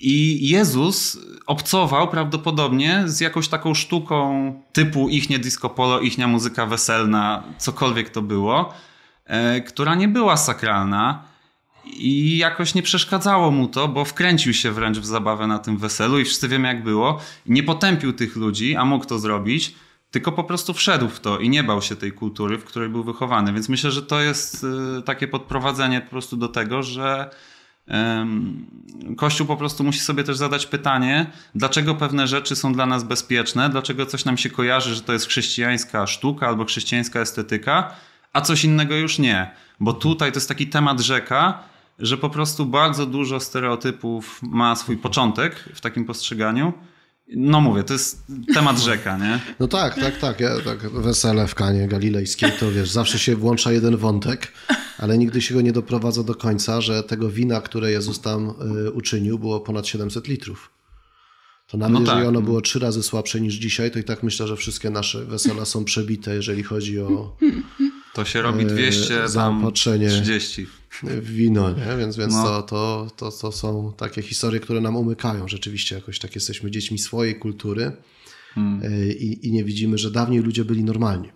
Natomiast ja się zastanawiam, że chcę was pociągnąć za tą sztukę, bo myślę, że jest coś takiego, że z jednej strony jest taki strach, dlatego że sztuka jest formą w ogóle przeżycie czy, czy, czy tworzenie jest taką formą wyrazu siebie, E, więc to wtedy się od razu włącza taka policja pokory, nie? że możesz siebie wyrazić, nie wiem, na, na jasełkach, na dzwonkach, prawda, się przebierając za pastuszka. I, y, więc, więc myślimy o sztuce z jednej strony wy, wy, wyrażanie siebie z dużą dozą nieufności, z drugiej strony sztuka wzbudza podziw, więc jak już wyrazisz siebie i tą swoją artystyczną wrażliwość w sposób, który wzbudza uznanie, no to, to znowu to jest drugi już, drugie wykroczenie, które Tak. policja pokory od razu y, ci wypunktuje, nie? że Mhm. To nie chodzi o ciebie, to o Pana Boga. Można chwalić kaplicę sykstyńską, bo już Michałowi Aniołowi pycha od tego nie uderzy. Spotkaliście się z taką Tak. próbą, że ktoś próbował was zatrzymać, tak na zasadzie, nie wiem, żeby wam sodówka nie odbiła, y, albo tak, no tak zwyczajnie siecie zatrzymać. Wydaje mi się, że w muzyce uwielbieniowej jest bardzo powszechne takie podejście i też słusznie, że no gramy tą muzykę, staramy się, ale koniec końców to wszystko jest dla Boga, koniec końców ta muzyka jest Pan jednak na drugim serce. planie. Tak. I muzyka uwielbieniowa jest y, jedynym gatunkiem muzycznym na świecie, w którym to nie muzyka jest najważniejsza. Ja się z tym zgadzam akurat. E, Tylko po prostu duchowe spotkanie z Bogiem. E, Więc y, zawsze przy uwielbieniach jest taka kultura takiej pokory, właściwej perspektywy, że chodzi o to, co Ale duchowe. spotkałeś się jakby, że ktoś cię jakby próbował, żebyś był pokorniejszy? Jakby tak przycisnąć? Mm, tak, chodzi o takie coś na przykład, że ym, nie grać y, za dużo solówek, albo nie grać zbyt d- bębniarz, który już nie może wytrzymać, bo musi grać non-stop, y, wiesz, te bicie takie uwielbieniowe, coś zagra ciekawie i ludzie na to patrzą tak, to nie jest takie, że wezmą cię na rozmowę liderzy i powiedzą, że coś jest y, nie tak w tym, jak y, posługujesz, tylko że po prostu jest taka kultura y, że nie chce ci się w zasadzie wychylać, A nie? wystarczy, że Czyli tak zwana zagrasz coś autocenzura. bardziej na uwielbienie i lider spojrzy. Tak, i tego jest dużo. Jest po prostu A zdarza się wam poważnie? No, znaczy, kiedyś, To mi jest teraz- przykro, że się zdarza, ale tak miałem nadzieję, że powiecie, nie, jesteśmy od tego Ale- wolni, nie wiesz- znamy takich ludzi, co tak myślą. tak, a mi bardziej chodzi o to, że w uwielbieniu to jest też jakoś uzasadnione. To, to nie chodzi o to, żeby w muzyce uwielbieniowej to też krytykować, bo to ma jakiś tam sens i trzeba mieć też y, y, wyczucie. Natomiast y, no Chodzi o to, że właśnie sztuka to jest jakieś y, wypuszczenie, tworzenie sztuki i obcowanie ze sztuką to jest jakieś otworzenie swojego wnętrza, nie? I niestety, y, kiedy jest taka kultura właśnie takiej fałszywej pokory, takiej skromności za wszelką cenę i tak dalej, to niestety może blokować po prostu ludzi do ekspresji, nie? Do wypuszczenia swojego No wnętrza. ale to tak jakbyś miał i- dziecko i chcesz mu dać największy skarb, najbardziej wyrazić swoją miłość, ale tylko dlatego, że ktoś pomyśli, że za bardzo wyrażasz siebie, to będziesz to dziecko tak, wiesz, y, zamiast Mhm. głaskać ręką, to kopał nogą, bo ludzie powiedzą, że jesteś za czuły.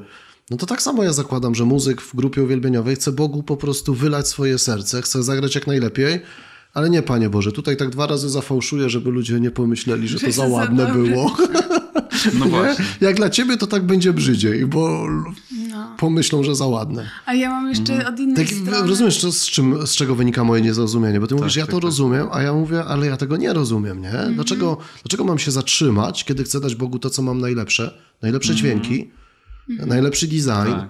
Chyba e, najlepsze chodzi światła, o solówki na bo ktoś przykład pomyśli... w uwielbieniu, że y, uwielbiasz, uwielbiasz i na przykład jest muzyk, który się chce wyżyć i cały czas y, nawala solówki i nawet nie można wyśpiewać piosenki, to wtedy Mhm. się robi y, ciężko. Jak, y, ale to jest też nie tylko umiejętność uwielbiania, tylko umiejętność gry w zespole. No. Teraz tak myślę na głos, że chyba to, o czym mówiłeś, to też ma, nie, ty- to jest nie tylko ogarnięcie, że to jest modlitwa, tylko że jak grasz w zespole, to musisz wyważyć przestrzeń Mhm. komu ile, więc jak nie umiesz grać w zespole, to i tak będziesz się wtedy przebijał. Może to nie jest kwestia pokory, Mhm. tylko Tak, to-. Tak, no i a, a- złe wydanie tego, o czym właśnie takiego zjawiska, które no tutaj właśnie tak jak ty Sara mówisz, to wtedy działa wręcz na plus, e, ale, ale złe wydanie tego jest takie, że po prostu ludzie y, boją się, jak, jako ludzie wierzący, utożsamiają sztukę i kulturę z czymś, co jest po prostu nie wiem czy nie Boże, ale jest niekościelne i wiecie, po prostu nie ma tego rozróżnienia do końca. E, I może jest jeszcze też takie myślenie u niektórych ludzi, że właśnie, y, że po prostu i, są jakieś zagrożenia, które w tej sztuce i kulturze na ciebie czyhają, na tak?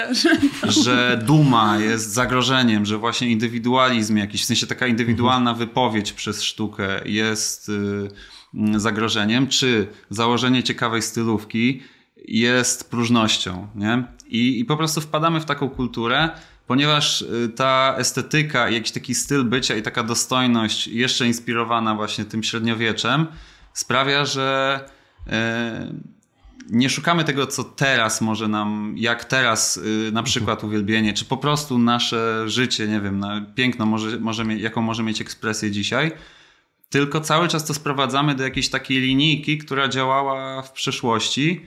E, I stąd też po prostu Kościół czuje się y, zdiskonektowany, w sensie odłączony od kultury y, dzisiejszej i jest coraz mniej miejsca na, na sztuki piękne, bo na muzykę jest, nie?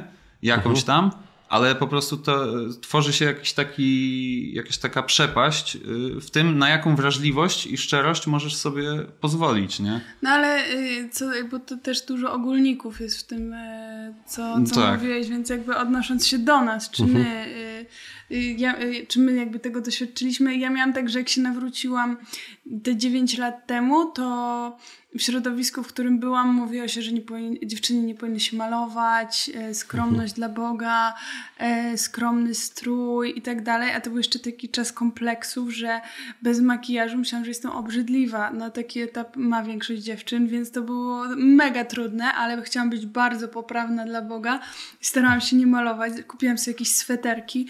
W tramwajach próbowałam nie oceniać stylówek ludzi i wydawało mi się, że moje jakby to, że skupiam uwagę na tych wizualnych rzeczach, co kto ma na sobie, że ja to pamiętam po spotkaniu, niezależnie od siebie, to wydawało mi się, że to jest moja próżność.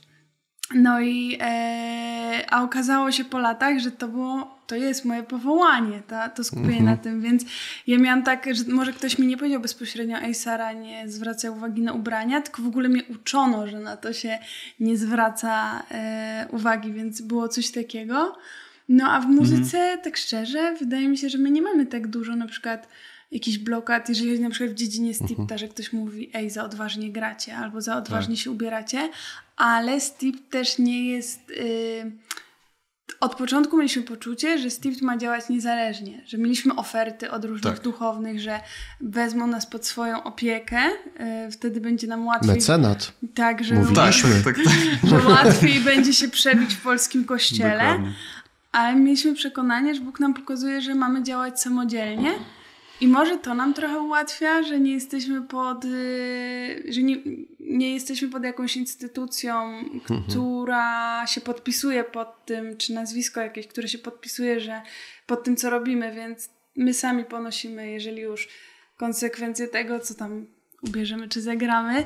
I wydaje mi się, że ludzie się bardziej e, cieszą tym, e, że inaczej trochę gramy, inaczej coś tam się ubierzemy na kolorowo i że jak odwiedzamy jakieś e, wydarzenie, to że czerpią z tego, że o, przyjechał ktoś weselszy, ktoś bardziej kolorowy, czy, czy ma jakieś tam ciekawe dźwięki. Więc wydaje mi się, że aktualnie Tak. jest chyba nawet bardziej głód na to niż blok, że, że ktoś robi to inaczej. Tak, my też staramy się, w, na pewno my z Sarą, w swoich piosenkach używać takich y, dosyć dosłownych, a czasem nawet potocznych y, stwierdzeń, powiedzeń, fraz. Y, I, i, I tak samo staramy się od jakiegoś już dłuższego czasu być autentyczni. y, W, zarówno w muzyce, jak i po prostu w życiu, czy w ogóle w sztuce. Czyli nie używać zbyt dużo właśnie takiego slangu chrześcijańskiego, takich wzniosłych słów, które z czasem można w ogóle zapomnieć, co tak naprawdę znaczą. E, I Sara ma też taki fajny przykład tam z naszej ostatniej płyty naszego zespołu, jeśli chodzi o kawałek Nigdy. E, I, i, a ja tak samo mam z tworzeniem mojego rapu, że i, i też w moich piosenkach uwielbieniowych staram się przemycać takie na przykład powiedzenie, linijki jak e, jeśli jesteś tu, daj nam znać. I to jest do Ducha Świętego, nie? Że daj nam znać. Czyli takie rzeczy, które są dla mnie bardzo autentyczne, bo to jest mój język i ja tak mogę też nawet mówić na modlitwie e, do Boga. Nie jest to jakieś takie jeśli jesteś tu, objaw się, albo mm jeśli jesteś tu, dotknij ześlij nas, deszcz. ześlij deszcz, tak, że można by powiedzieć to w taki sposób, który jest y, no, bezpieczniejszy i, i, i bardziej się wpisuje po prostu w tą estetykę, mm -hmm. którą znamy, ale nie, właśnie my chcemy mówić swoim językiem, i tak samo ja na przykład y, lubię tak na uwielbieniu czasami yy, przestać grać i nagle zacząć coś mówić, nie? Mhm. Bo wiem, że muzyka chrześcijańska na przykład ma taką właściwość, że może być bardzo transowa i jeśli wiesz jak to mhm. wykorzystać i robisz te wszystkie pady i te atmosfery i mówisz tylko takim głosem, wiesz, to dziewczyny bardziej potrafią tak robić, takim namaszczonym, to naprawdę jest element psychologiczny, tak, i wiesz, y, ale to nie jest do końca na przykład dla mnie autentyczne. Mhm. Nie? Ja staram się nawet przełamywać tą atmosferę czasami czymś, co jest autentyczne. Y, I właśnie, ludzie raczej dają nam zawsze pozytywny feedback, nie? Yy, my oczywiście jesteśmy, no nie wiem, no mało znanym zespołem. Jakby to, wiesz, jakby ma, jesteśmy w takiej pozycji, że większość, że praktycznie wszyscy ludzie, którzy nas znają, to nas lubią, nie? Jest taki poziom bycia znanym, gdzie znają cię ludzie, którzy cię nie lubią. To będzie coś innego, ale na razie mamy naprawdę pozytywny feedback od ludzi, że ich to zachęca. Taka autentyczność, szukanie swojego języka, to jest też dzisiejszy język i łączenie tego po prostu, jakiś taki, znajdowanie jakiegoś takiego środka, i tak samo w ogóle w wypowiedziach artystycznych.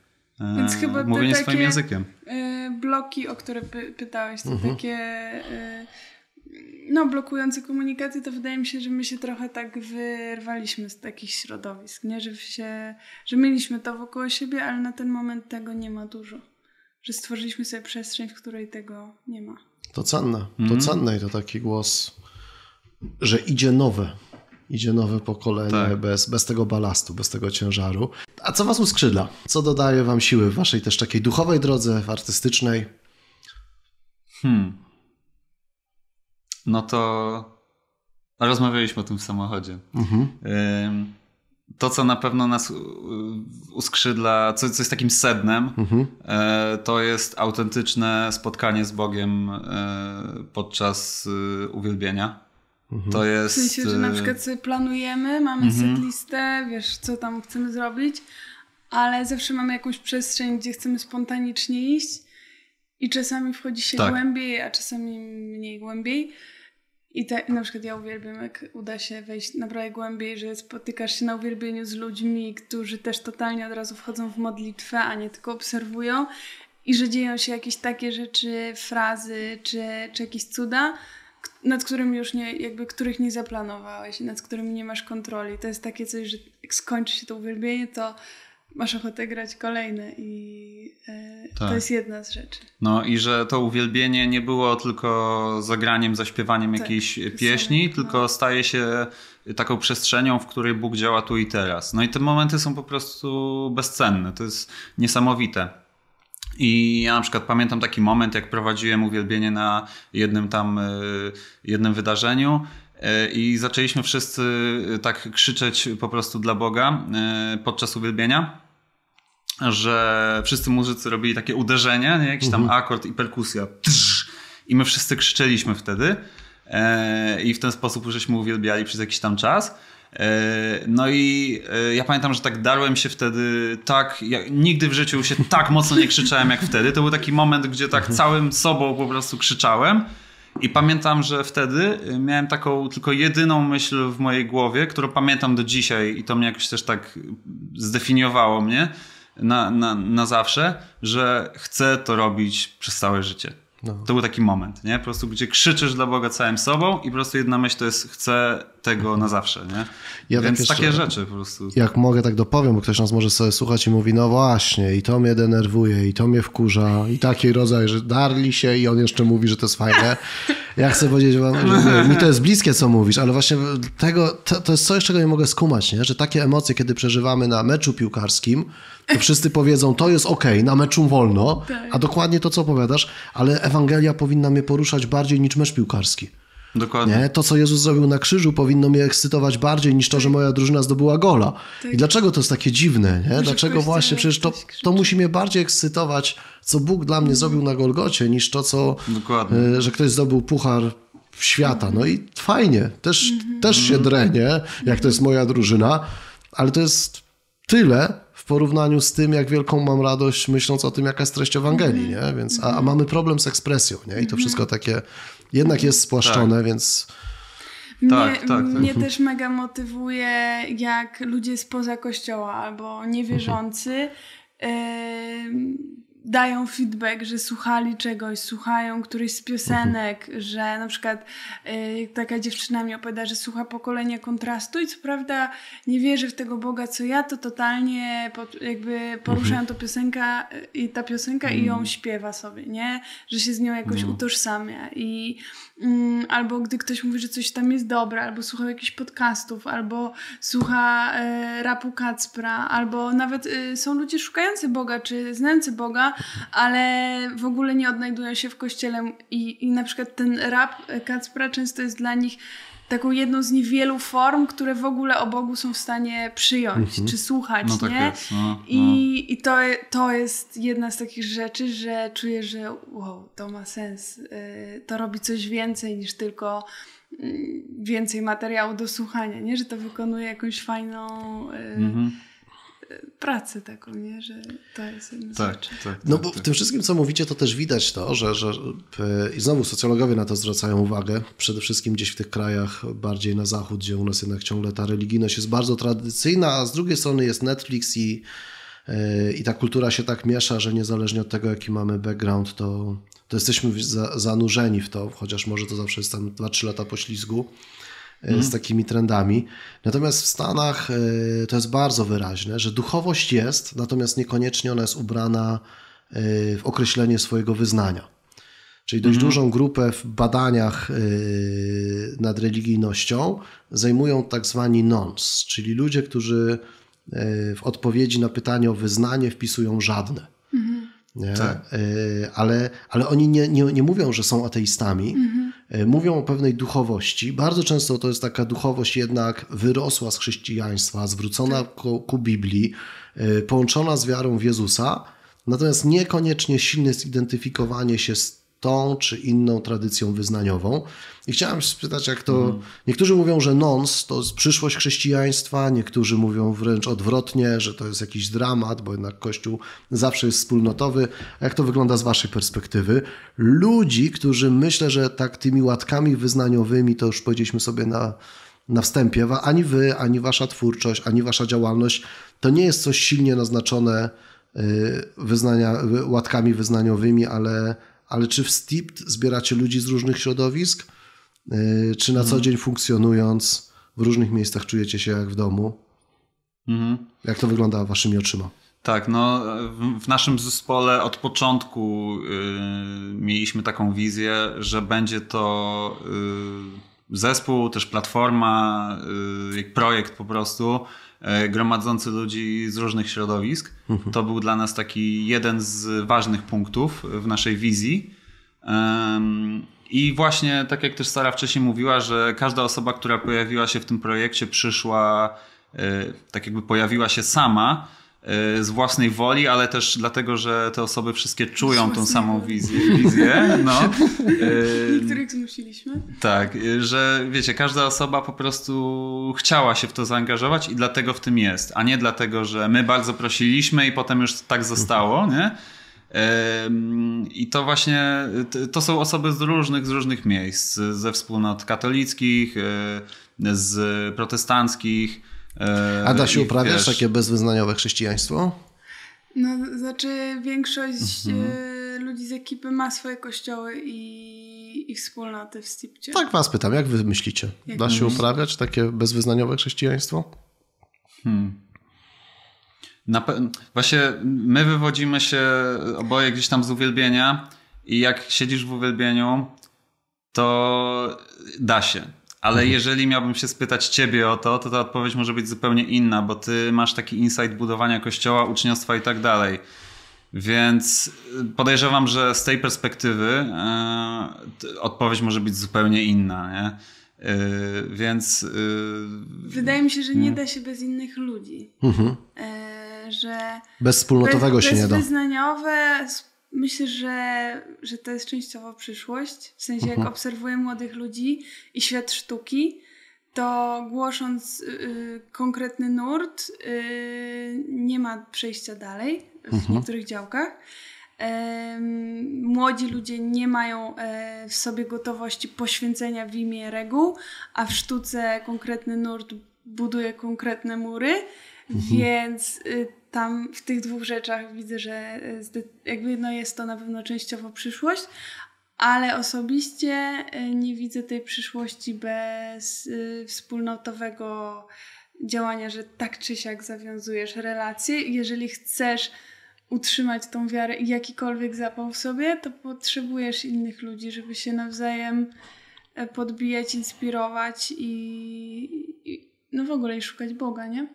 I to prawda, bez wspólnoty się nie da i chyba nawet taka popularność i pojawianie się też w Polsce, a na zachodzie już od co najmniej, nie wiem, 40-50 lat, od lat 70., 80., są wspólnoty tak zwane ekumeniczne, nie? że ludzie naprawdę są z różnych środowisk, a przeżywają swoją ra wiarę razem. Ostatnio Tak. Karol Sobczyk, znaczy ostatnio już kilka lat temu, nawet taką małą książeczkę wydał o wspólnocie w Stanach, gdzie są właśnie prezbiterianie, luteranie, katolicy, ludzie zupełnie różnych kościołów, natomiast razem budują wspólnotę, mają swoich duszpasterzy, ale bez wspólnoty się nie da, nie? Tak. tak. A znowu są ze sobą Dokładnie. i doświadczenie Jezusa jest na tyle silne, że te konfesyjne rzeczy schodzą na drugi, Tak. trzeci plan i razem przeżywają życie we wspólnocie, osiedlają się, budują domy, prowadzą szkoły, tak. a przychodzą z zupełnie różnych tradycji konfesyjnych. By się wydawało, że bardzo silnych.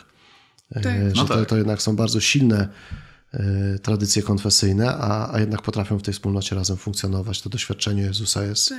Silniejsze niż te różnice. Tak. Na pewno w, w budowaniu jakichś projektów i różnych inicjatyw y, ekumenizm y, czy właśnie bycie ponad denominacjami i wspólne działanie jest dużo łatwiejsze, ponieważ to dotyczy, takie inicjatywy dotyczą, jak na przykład nasz zespół, pewnego po prostu działania, pewnych projektów, y, w które my się angażujemy razem z innymi ludźmi mamy po prostu skupiamy się na wykonaniu pewnego projektu albo nie wiem, zrobieniu jakiejś konferencji, y, czy zrobieniu pewnej ewangelizacji, czy jakiejś pomocy takiej lokalnej, takie projekty, wiesz, które em, nie zakładają formacji uczniostwa i wspólnego, nie wiem, tam dzielenia się chlebem i tak dalej, y, to naprawdę jest dużo, myślę, prostsze y, w kwestii działań właśnie ekumenicznych i, i, i wspólnych. Ponieważ wtedy na przykład w uwielbieniu, no co nas dzieli jako chrześcijan różnych denominacji w uwielbieniu? No nic, no wszyscy zbieramy się pod krzyżem, wspominamy y, jedno, y, wspominamy i oczywiście korzystamy z niego wszyscy na bieżąco y, dzisiaj z jednego dzieła krzyża Jezusa, ze śmierci i zmartwychwstania, no jakby to wszystko jest wspólne. Y, Więc na przykład w uwielbieniu czy w jakichś takich projektach jest, jest naprawdę dużo łatwiej i wiele osób w dzisiejszych czasach e, właśnie z różnych powodów po prostu e, szuka takiego też wspólnego działania, współdziałania w tym, co, co nas jako chrześcijan łączy. E, A jeśli chodzi o tematy na przykład właśnie wspólnot i, i, budowania czegoś e, bardziej jeśli chodzi o Kościół, wydaje mi się, że to jest dużo trudniejsze, prawda? E, Ponieważ e, tutaj wchodzą różne e, głębsze też sprawy, ważniejsze dla, bardziej takie delikatne też tematy, osobiste dla każdego z nas jako chrześcijanina. No i to już wtedy jest naprawdę szacun, nie? Żeby Na przykład Ta budując wspólnota, o której mówiłeś, to już jest... żeby budować taką wspólnotę i pewne tematy, które na przykład w naszym zespole nie są jakby. Nie musimy ustalać jakiegoś wspólnego stanowiska, na przykład pomiędzy członkami zespołów, bo wszyscy się Nie szanujemy. komunia, a wieczerza na przykład. Nie ma Tak. tego elementu przy tym, Tak. co my robimy. No, a pojawia się na przykład w takim e, po prostu w budowaniu kościoła, czy w czynieniu uczniów i tak dalej, i tak dalej, więc e, tutaj naprawdę e, jest to większe po prostu wyzwanie, nie? E, A jednocześnie e, jest właśnie coraz więcej osób e, i my mówimy oczywiście z perspektywy ludzi mieszkających w Warszawie, e, którzy wszyscy mają iPhony, smartfony, TikToka i tak dalej. Więc oczywiście w małym mieście taka perspektywa może wyglądać troszeczkę inaczej, ale nasza warszawska perspektywa jest taka. Ja to też wszyscy Że- mają iPhony, smartfony i TikToki. Tak. Kasprowi się Tak. wydaje, że jest... Nie, no nie chcę nikogo jakby też y, jakoś pominąć, że po prostu młode pokolenie często w ogóle nie rozumie różnych konfliktów, podziałów i, Tak, i, tak. i, i takich, wiesz, gdzieś tam różnych konkretnych problemów, wyzwań, y, które dla starszych pokoleń są czymś bardzo ważnym, co, co bardzo No tak, rozpamiętują z ten różnych bagaż czasów. historii jest ciąży. I po Tak. prostu młodzi ludzie nie, nie żyją tym, nie? Tak samo jak młodzi ludzie nie pamiętają komuny, bo po prostu się urodzili po tym, jak ona upadła. I, i nie mają stosunku takiego emocjonalnego do niej, tylko mają jakieś tam wspomnienia, to tak samo młodzi chrześcijanie y, w podobny sposób traktują różne problemy, między innymi spięcia między, między denominacjami, a wręcz ustawiają się, y, są wkurzeni na przykład na pokolenie swoich rodziców czy liderów, że w ogóle jakby chcemy po prostu wznieść się ponad te różnice, ponieważ chrześcijan w naszym pokoleniu robi się y, coraz mniej, prawda? Jest coraz ciężej pod tym względem. E, Kościół w społeczeństwie nie jest y, chyba już tak mocny, wszechobecny jak, jak jeszcze wcześniej. I po prostu młode pokolenie ma zupełnie inną perspektywę na te tematy i wręcz ma taką potrzebę łapania się jakiejś takiej jedności e, i, i, i po prostu tak z- perspektywa jest zupełnie inna nie? i emocjonalne podejście jest zupełnie inne do podziałów między denominacjami. My graliśmy, na przykład, jeżeli chodzi o nas jeszcze, to graliśmy w listopadzie czy październiku, w, czy, październiku w czterech miejscach e, jako październiku. Stipt Uwielbienie. Pierwsze graliśmy w katolickiej wspólnocie, drugie graliśmy e, na Siennej na konferencji misjonarzy, więc też tam była e, mocna mieszanka. E, trzecie graliśmy... e, Ja wyjaśnię na Siennej to w Kościele Zielonoświątkowym w Warszawie. tak, tak. E, Trzecie graliśmy na dziesięcioleciu Stowarzyszenia Jedno, to jest ekumeniczne stowarzyszenie. Em, I czwarte graliśmy na spotkaniu katolickiej wspólnoty Syjon. Tak. Więc mieliśmy totalnie różne stacje, ale y, na, każdej, jakby na każdym z tych spotkań mieliśmy głębokie uwielbienie i do każdego z tych uwielbień podchodzimy w ten sam e, sposób. W sensie do, czasami Bóg nam coś pokazuje na konkretne uwielbienie i się inaczej szykujesz albo trochę dopasowujesz setlistę pod dane wydarzenie, ale w każdym z tych miejsc y, czujemy, że to, co nas łączy z ludźmi, to jest uwielbienie, no nie? I, I spotkanie z Jezusem i słowo z Biblii. I to Jezus i Biblia wystarczy, żeby y, była moc, no nie? Spotkania z Bogiem na danym wydarzeniu. Dokładnie. I coraz więcej ludzi też, yy, rozm- czy to naszych przyjaciół, czy ludzi, z którymi gadamy też yy, przed koncertami, uwielbienia po, mówi nam o też takim tak. swoim pragnieniu, że chcą doświadczyć takiego pierwotnego apostolskiego kościoła.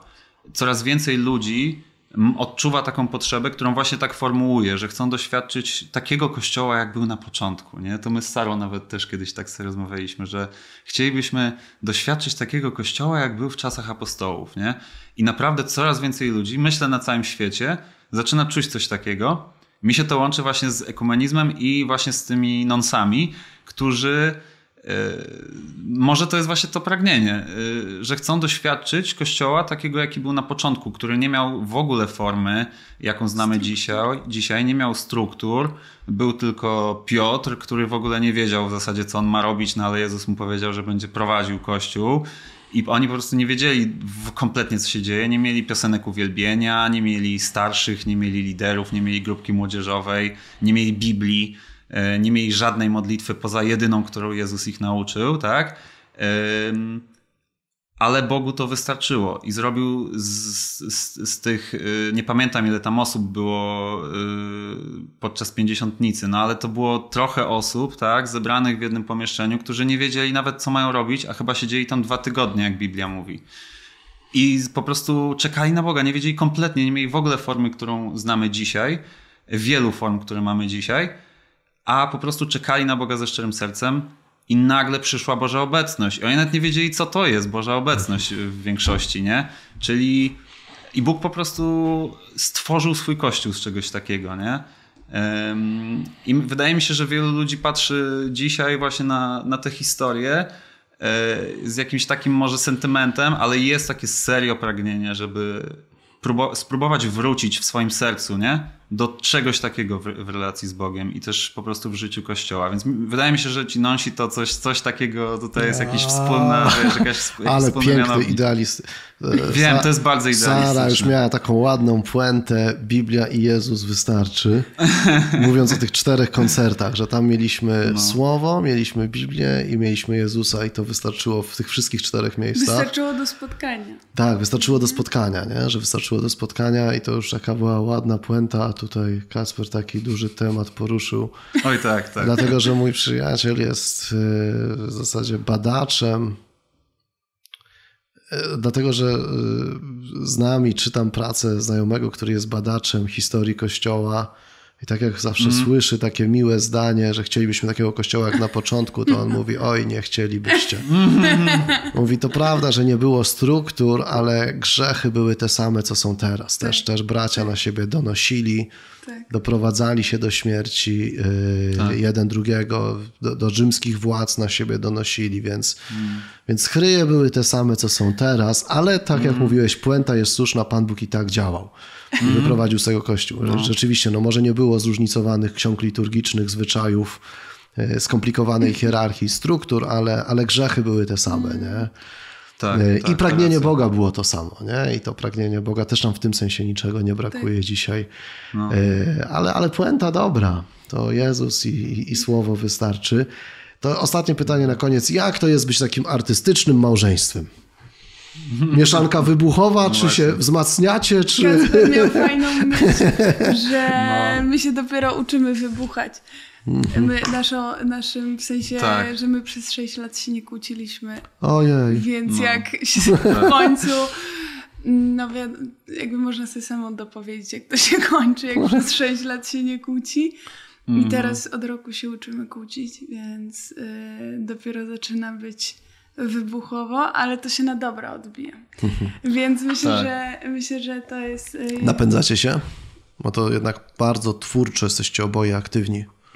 Myślę, że hmm. tak. No. Myślę, że tak. I szczególnie właśnie te początki się nawzajem wypchaliśmy mocno, w sensie poprzez wsparcie. Że Kacper w tak. modzie dla mnie był na studiach bardzo dużym wsparciem, a, a ja dla Kacpra też w rapie. Na uwielbienie to w hmm. ogóle jakby już e, naturalnie wspólnie robiliśmy, nie? Więc tak, tak. Myślę, Dokładnie. że bardzo. Czasami y, ja Kacpra trochę blokuję, a Kacper mnie y, zachęca tak. czy rozluźnia. No ale, ale poza tym to myślę, że zdecydowanie.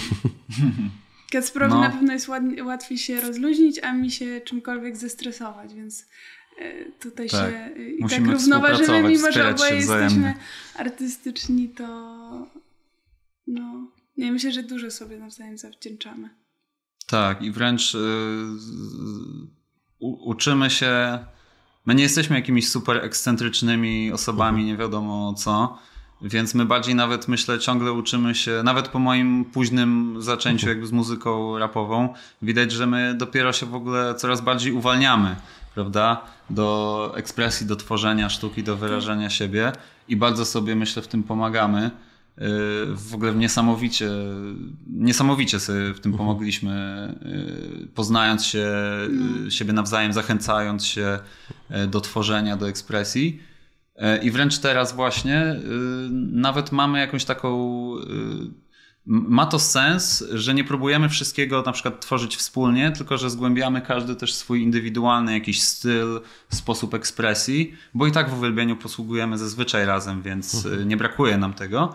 E, ale mamy mega przyjemność w tym, żeby każdy z nas szukała takiego swojego głosu, swoje, swojej, swojej twórczości e, i wspieramy się w tym e, naprawdę jak możemy, a jednocześnie fajne jest to właśnie, żeby dawać sobie przestrzeń do bycia e, swoją jakby indywidualną osobą i też po prostu twórcą indywidualnym, nie?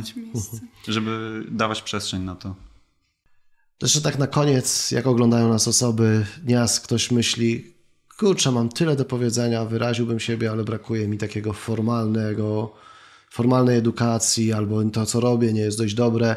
Z jednej strony można powiedzieć, jesteś profesjonalnie przygotowana do uprawiania tego, co tak Kasper ładnie rozróżnił, music and arts, do sztuk pięknych, a z drugiej strony jako muzycy jesteście yy, świetnymi muzykami, robicie świetne projekty, Natomiast nie macie żadnego formalnego wykształcenia, tak? Nie chciałem powiedzieć, jesteście tak. amatorami, no bo to byłoby no, ale jesteśmy.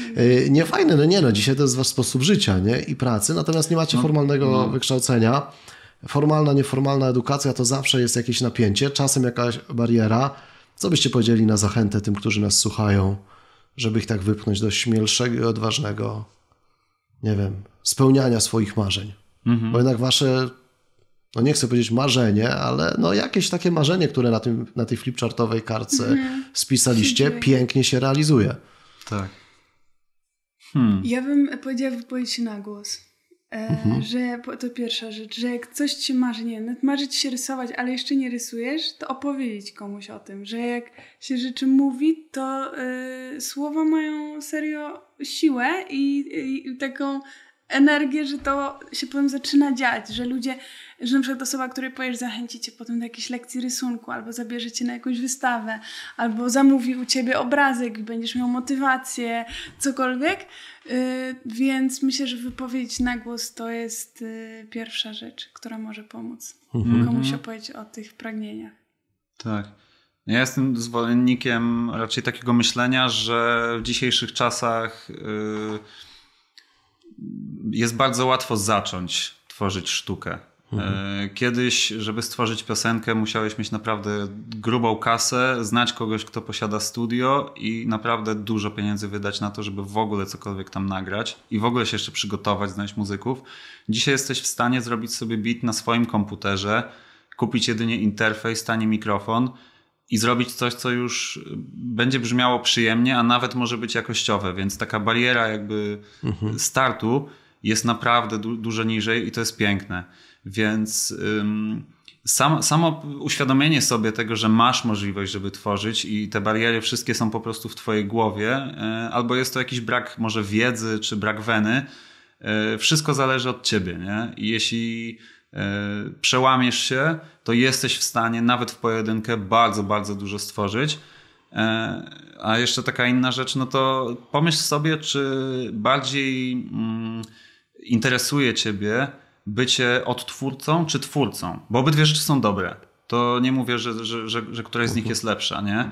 Ale jeżeli na przykład twoją pasją jest powiedzmy e, na przykład śpiew operowy, Yy, no to raczej nie musisz nic próbować tworzyć i to będzie ok dla ciebie, jeśli pójdziesz i zaczniesz uczyć się pewnej formy, nie? Mhm. A jeśli czujesz, że jesteś tak zwanym songwriterem, czyli że masz w sobie po prostu jakieś słowa i melodie, które chcesz wyrazić, to totalnie możesz to zacząć tworzyć bez szkoły muzycznej i bez w ogóle żadnego wykształcenia, więc zadaj, znajdź tą swoją dziedzinę, tak mniej więcej, nie? I wtedy będą też różne ścieżki. I to naprawdę, naprawdę dużo ułatwi też, żeby się przełamać. Dzięki. Dzięki. Dziękuję za tą rozmowę. To za to, że mogliśmy się Dziękujemy. tutaj spotkać. Yy, I dzięki też za to, co robicie. I za to, jak napełniacie tą przestrzeń w necie i nie tylko dobrymi dźwiękami, pięknymi Dzięki, kostiumami. Że mogliśmy tu wpaść i się Dzięki. podzielić w ogóle backgroundem. Dzięki. Dokładnie. A my kontynuujemy naszą rozmowę na waszym kanale. kanale tak też od razu Dokładnie. odsyłamy. Syty e, e p ed. Właśnie tak. W polskich kościołach mówią stepet. Stepet. stepet. No. Tak, a moimi gośćmi byli y, Sara i Kasper Kukierowie. Y, Kasper znany jako Cukier. Tak. A Sara jako Sara. Sara jako Sara. I ci dwoje jeszcze są częścią większego kole kolektywu znanego jako Stepet. Tak. Tak się nauczyłem ładnie. No. Od ciebie, Sara. Dzięki. Pa. Dzięki za miłą Dziękuję. rozmowę. To już jest koniec naszego dzisiejszego spotkania. Dziękuję za Waszą uwagę i mam nadzieję, że dla Was było ono również interesujące. Więcej ciekawych historii i podobnych rozmów znajdziecie na moim kanale YouTube oraz na Spotify i w pozostałych serwisach streamingowych. Jeśli Wam się spodobało i chcecie pomóc mi rozwijać ten podcast, proszę udostępniajcie odcinek i subskrybujcie kanał. Do usłyszenia. Michał Włodarczyk.